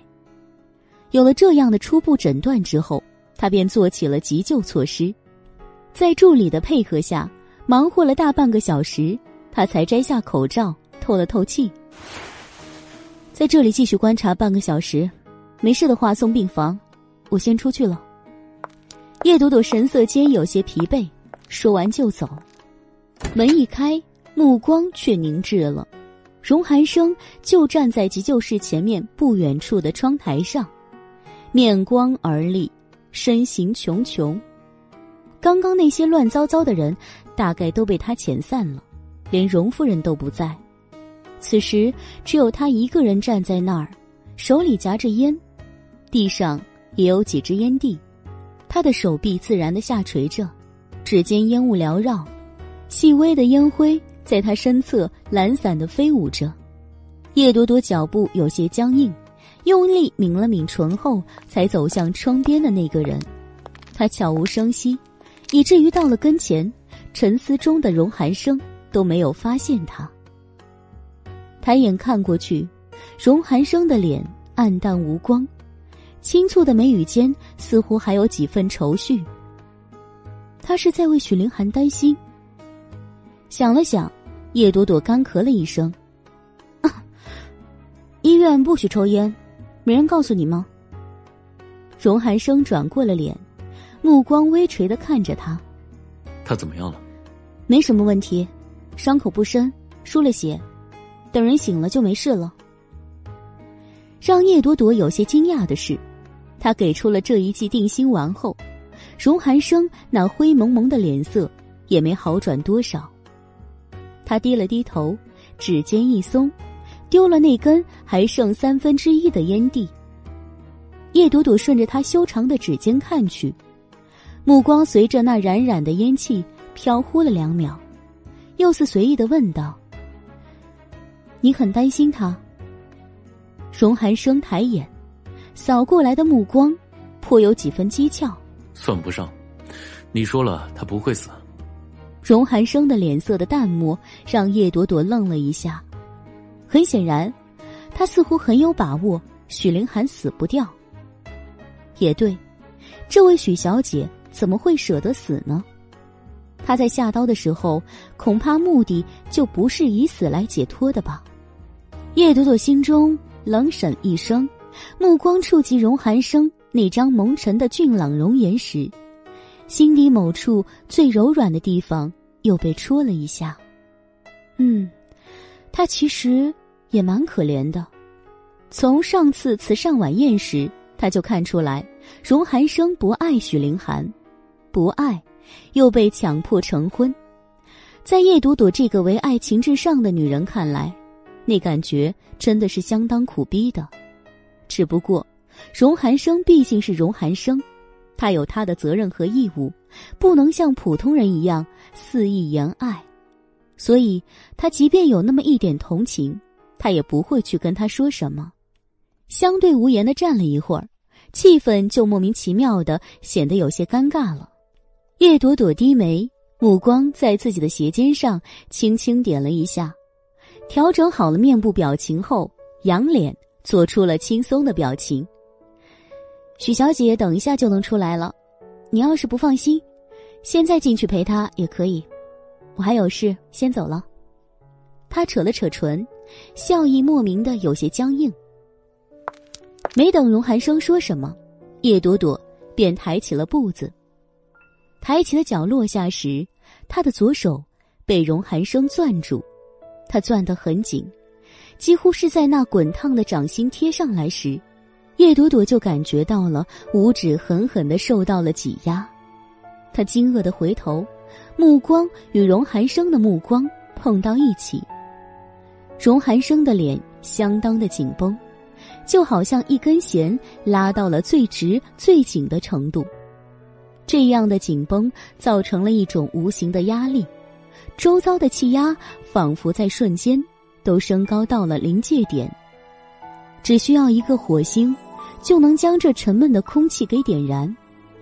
叶朵朵的心提到了嗓子眼儿，看着荣寒生，他总觉得这男人有话想说，甚至他疑心他的话都到嘴边了，因为他分明看到他削薄的唇动了动，但是到最后。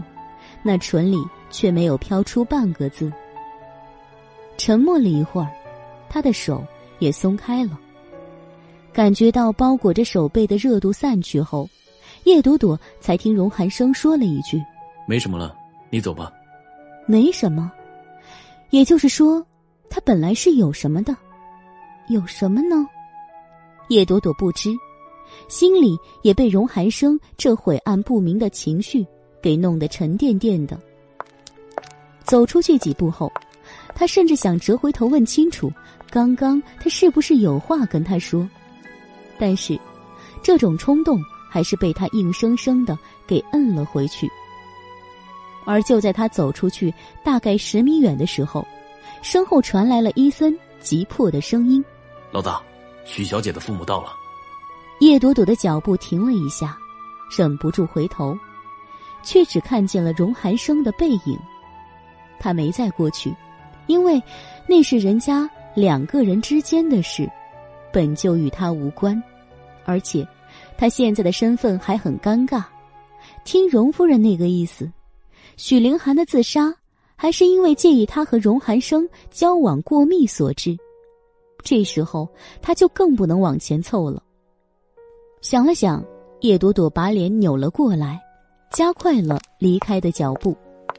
他的身影刚刚转过走廊，林芳如就紧跟着伊森后面过来了。林芳如一来就朝着走廊转弯处伸头看了一眼。而后，眸色犀利的看向荣寒生。刚刚走的是不是叶朵朵？你是不是还跟他纠缠不清？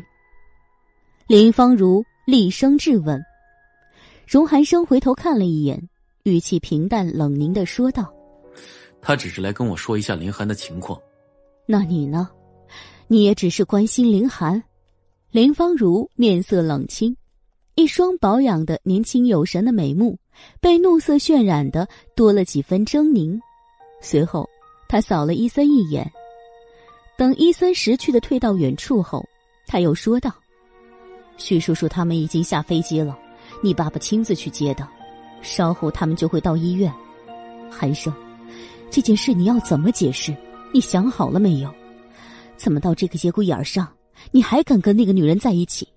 你难道不知道，林寒就是因为他才想不开的？妈。”荣寒生语气沉重，剑眉微微一蹙，目光双冷如刀。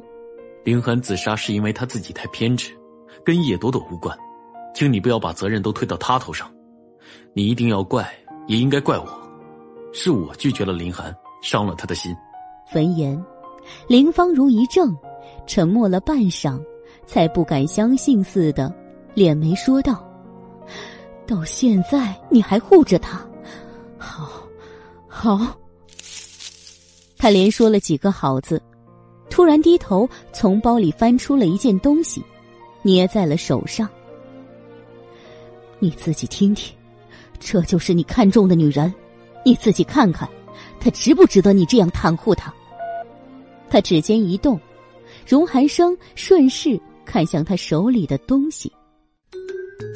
感谢您收听都市言情小说《总裁的恶魔小七》，欢迎收听都市言情小说《总裁的恶魔小七》，作者：初寒，演播：八一六和叶儿不轻，后期制作：千雪，由喜马拉雅荣誉出品。第三十集，那是一个录音笔，荣寒生看过去的时候。那只墨绿色的录音笔里已经传出了声音，那是一段对话，是他的母亲和叶朵朵之间的对话。林芳如那天去找叶朵朵的时候，包里放了一支录音笔，录下了对话的内容。这些内容里当然也包括叶朵朵收下支票的那一段。录音很快放完，林芳如冷眼看着自己的儿子：“你听到了。”我给他支票，他可连推辞都没有推辞一下就接受了。这样的女人，你觉得她跟你在一起是图什么？我已经查过她的背景了，她就是叶家不受宠的女儿。这次回来，想必是想从叶家的家业里分一杯羹，觉得困难了，才来找上你。寒生，妈早就跟你说过了，外面的女人都是有所图的。哪里像林寒一样知根知底儿？为什么你就是想不通呢？说到这里，林芳如的语气中就有了点儿恨铁不成钢的意思。荣寒生一直眉目阴沉的沉默着，等他话全部说完，他才扭头朝窗外看了一眼，沉沉的换了口气。林芳如见他不吭声，想了想，也叹了口气。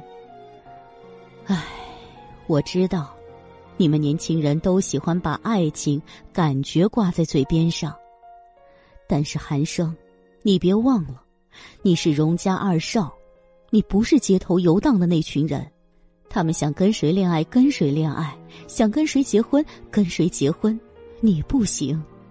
这话斩钉截铁，不容丝毫辩驳。荣寒生脸色稍重了几许，依旧沉默着。只听着林芳如的训斥：“你爸爸有你和你大哥两个儿子，你应该清楚，你和你大哥之间绝对不是家产分的多少的问题。你就算把集团继承人的位置拱手相让给他，他也容不得你拿走一大笔家产。寒生，这场战争说是你死我活不为过。第一次，他如此直白的在儿子面前说了这样的话。荣寒生看着此时脸上毫无慈祥之意的母亲，脸上一点讶异的表情都没有。他知道，此刻的母亲才是真实的。许凌寒代表着许家的势力，代表着许家能给他的支持，这一点他何尝不知？只不过不知为什么，从前可以接受的事情，现在竟然变得完全不能忍受。就像现在，他明知道许凌寒躺在里面昏迷不醒，他也有些担心记挂，可偏偏他却不想看见他。感情凉薄如斯。并不是他所愿，却也不是他能左右的。沉默片刻，荣寒生挺了挺腰背，眸色放亮，语声朗朗的说道：“妈，你说的这些我明白，不过要赢也不一定非得靠许家。我已经决定了，等许叔叔到了，我会跟他解释清楚。我……”他停了几秒，语速放缓，一字一顿的说道：“我不能娶林寒。”你，林芳如快被气死了，脸涨得通红，想说又说不出什么来。荣寒生也没再说什么，看了伊森一眼，转身就走了。转过走廊，荣寒生一眼就锁定了那块挂着主治医生牌的办公室，疾步走进去，叶朵朵那个女人正在讲电话，也不知道是跟谁在聊。聊得眉飞色舞，小脸上光芒刺眼。荣寒生眉头一收，大步过去，长臂一扬，动作相当漂亮的夺了叶朵朵那只 Hello Kitty 手机。手里突然一空，叶朵朵愣了一下，定神一看，才发现是荣寒生。你怎么来了？不但来了，脸色还不好，活像谁欠他一百万一样。叶朵朵瞄了一眼自己的手机，伸手去夺，却只见荣寒生手臂一翻，将他的手机拍桌子上，啪的一声，震得叶朵朵肉痛。这么重，屏幕会碎掉吗？眉头一拧，刚想发作，就听荣寒生说道：“支票拿来。”支票。叶朵朵愣了一下，旋即想到，应该是林芳如把这事儿说了。不但说了，在说的时候一定还添油加醋的放了很多形容词在前面，比如什么拜金女，比如什么势力铜臭之类的。林芳如怎么说都不奇怪，反正他已经那么抵制自己了，指望他嘴里说出好话来也是做梦。只不过荣寒生这出又算什么？心疼他们家的钱，不至于吧？太小气了。叶朵朵撇撇嘴，哼了哼，说道：“哼，那是你妈给我的，你妈很大方，你怎么没遗传到她的优点？”拿来。荣寒生像是没听见他的揶揄一样，加重语气又重复了一遍。他的脸色已经由最初的灰蒙蒙变成了凝了薄霜似的冷寒。叶朵朵心里咯噔了一下，歪了歪脑袋，心思转得极快。想了想，他张口来了一句：“支票没了，我已经取了钱花了。”荣寒生的目光瞬间又冷了八度，许久，他才从齿缝间挤出了几个字：“你就那么爱钱？”叶朵朵的心被戳了一下，有点不舒服，不过面上他依旧笑意盈盈：“是啊，潜水不爱？再说了，我可是出了名的爱财。”不然当初怎么会接你的活儿？荣寒生被这话堵了一下，面色铁青。叶朵朵瞧着他，觉得他这座火山就要喷发了。沉默间，荣寒生突然低头，飞快的从口袋里掏出了钱包，然后从里面抽了一张卡，拍在了桌上。这张卡没有限额，想刷多少随便，密码我会发到你手机上，记住了。不是谁的钱都可以拿的，有些人你招惹不起。啊！他这次是真的彻底石化了，盯着那张土豪金的卡片，张了张嘴，还咽了咽口水，就是发不出声音来。无限额的卡，这是银行针对某些特殊人士发行的，全国也没几张。这种东西到手，简直就是搬座银行回家。那么问题来了，荣寒生怎么这么大方了？他刚刚的怒气，现在的慷慨，都好诡异哦。叶朵朵紧抿着唇，目光在那张卡上凝滞了很久后，他才伸手捏住了这张卡片。他捏着卡片，在眼前晃了晃，眼中波光轻轻跳跃，似笑非笑。你怎么这么大方？能给我个解释吗？解释。荣寒生觉得自己所有的神经都拧到了一起，最后，他阴谋一瞪，缓慢清晰而又恶狠狠的送了叶朵朵一句：“叶朵朵，你就是猪。”呃，呆了两秒，回神后，他才气得冒烟：“你才是猪！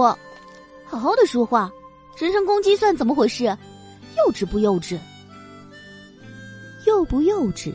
荣寒生都没理他，气羞羞的扔出那句“你是猪”之后，他就转身大踏步的走了。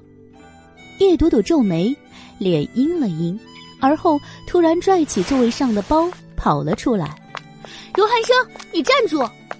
荣寒生脚步稍停，他就追了上去，低头从包里翻出了那张支票后，他就直接扔给了他，拿去还给你妈。你妈拿它来让我跟你保持距离，OK？我接收也是想告诉他，我实在无意跟你保持多么近的距离。现在你来问我要，正好给你，还有这个也给你。他手一扬，将刚刚那张卡也扔给了荣寒生。我人穷志不穷，谁稀罕你这个东西？还你了，里面的钱我可分文未动。现在我们就把话说清楚，荣先生。从现在起，麻烦你永远跟我保持五米远以上的安全距离。我呢，无意破坏你和那位许小姐的幸福生活，更不想被你那位眼睛长在头顶上的母上大人盯住找麻烦。所以，麻烦你离我远一点，谢谢。话音还没落，他自己就连着往后退了几步。距离拉得很开之后，他才站定，无比认真的看着荣寒生。荣寒生一手捏着支票，一手捏着卡，看看这些，又看看叶朵朵。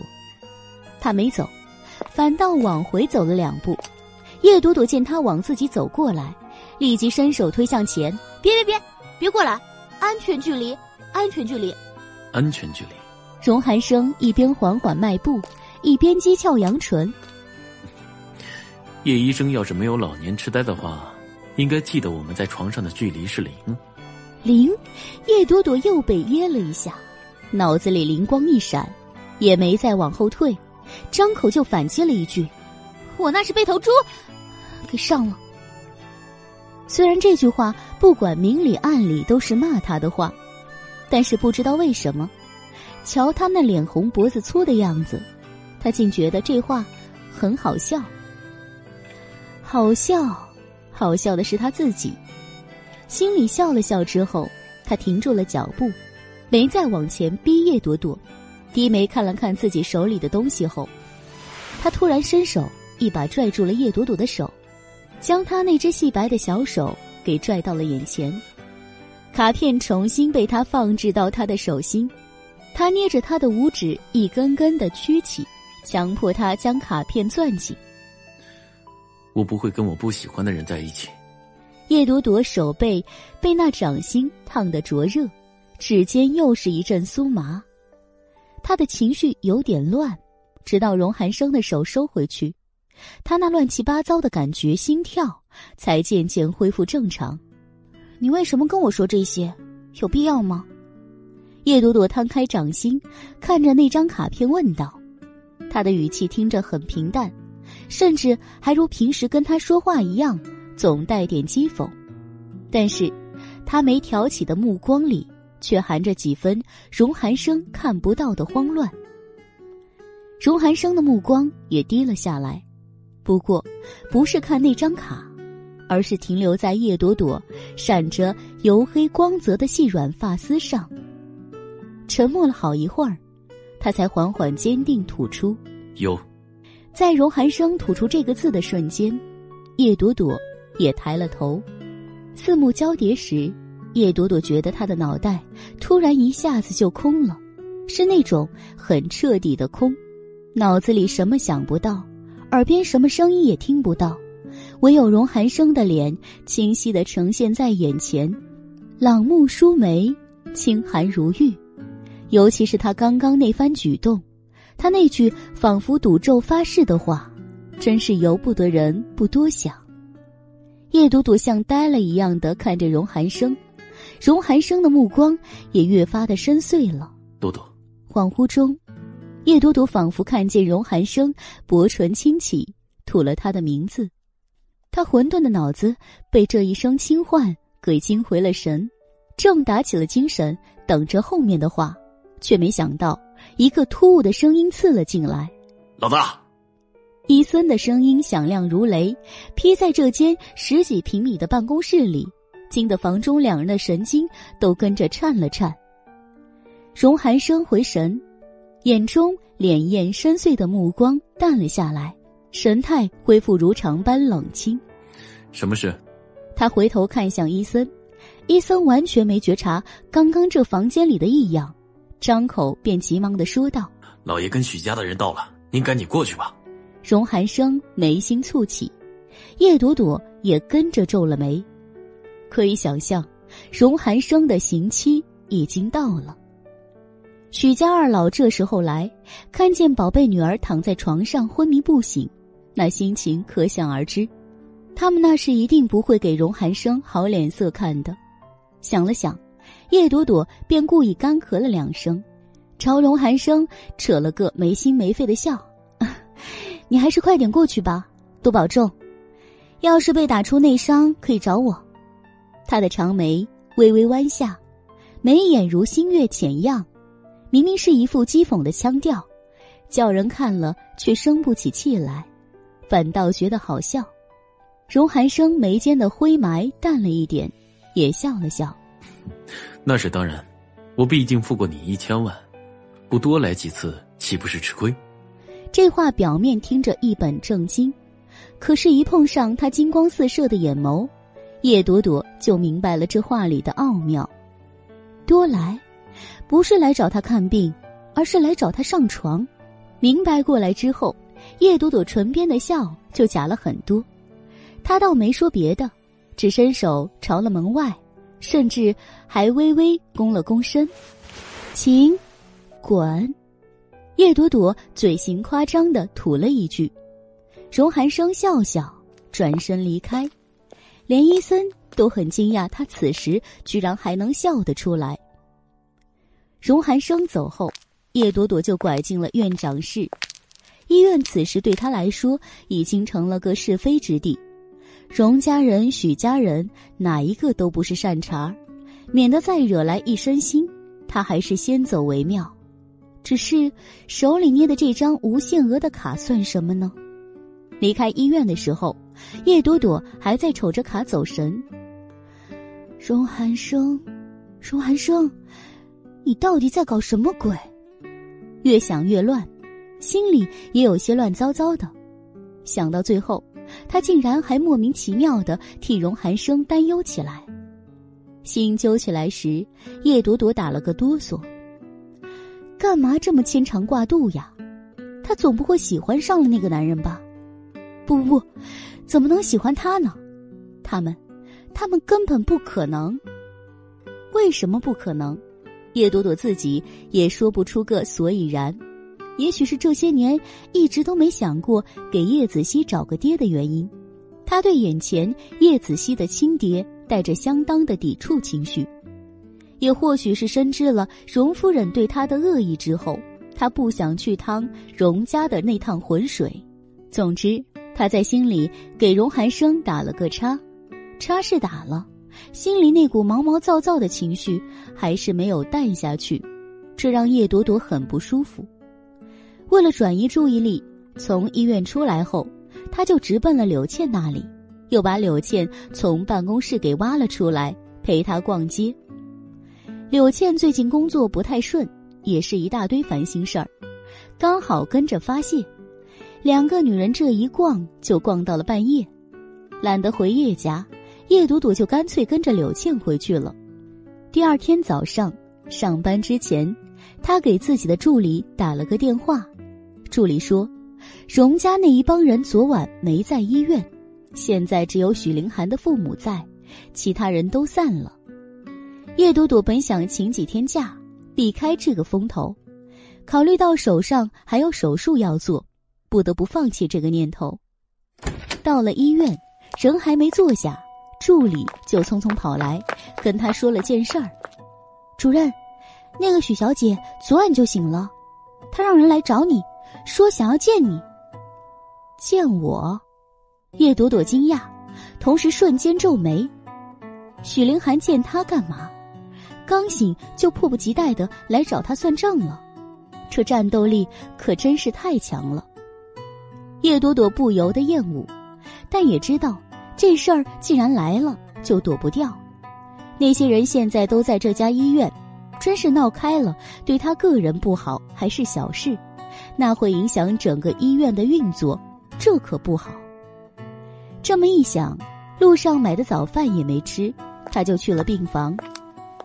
病房里，许凌寒还醒着，正在跟一个中年女人说话。听他那平缓的声音，就知道他恢复的不错，不是那么气若游丝。再看看脸上，虽然还是没什么血色，但是精神不错。想必也没什么大碍了。围绕着病床坐了两个人，一男一女的中年人。不用想了，这一定是许家父母。叶朵朵站在病房门口，抬手敲了敲门。里面正在说话的人停了声，扭过头来看着他，面露不解。妈，他就是叶医生。闻言，许妈妈的脸瞬间阴沉。就连许爸爸也不悦的皱了眉。叶朵朵深知这两人现在都跟林芳如差不多，把许凌寒割腕的责任都推到了他头上，恨死了他。既然人家已经摆明了不喜欢他，他何必再热脸贴过去？所以进去的时候，叶朵朵只朝着许家父母看了一眼，并未多话，就走到了许凌寒身边。感谢您收听都市言情小说《总裁的恶魔小七》。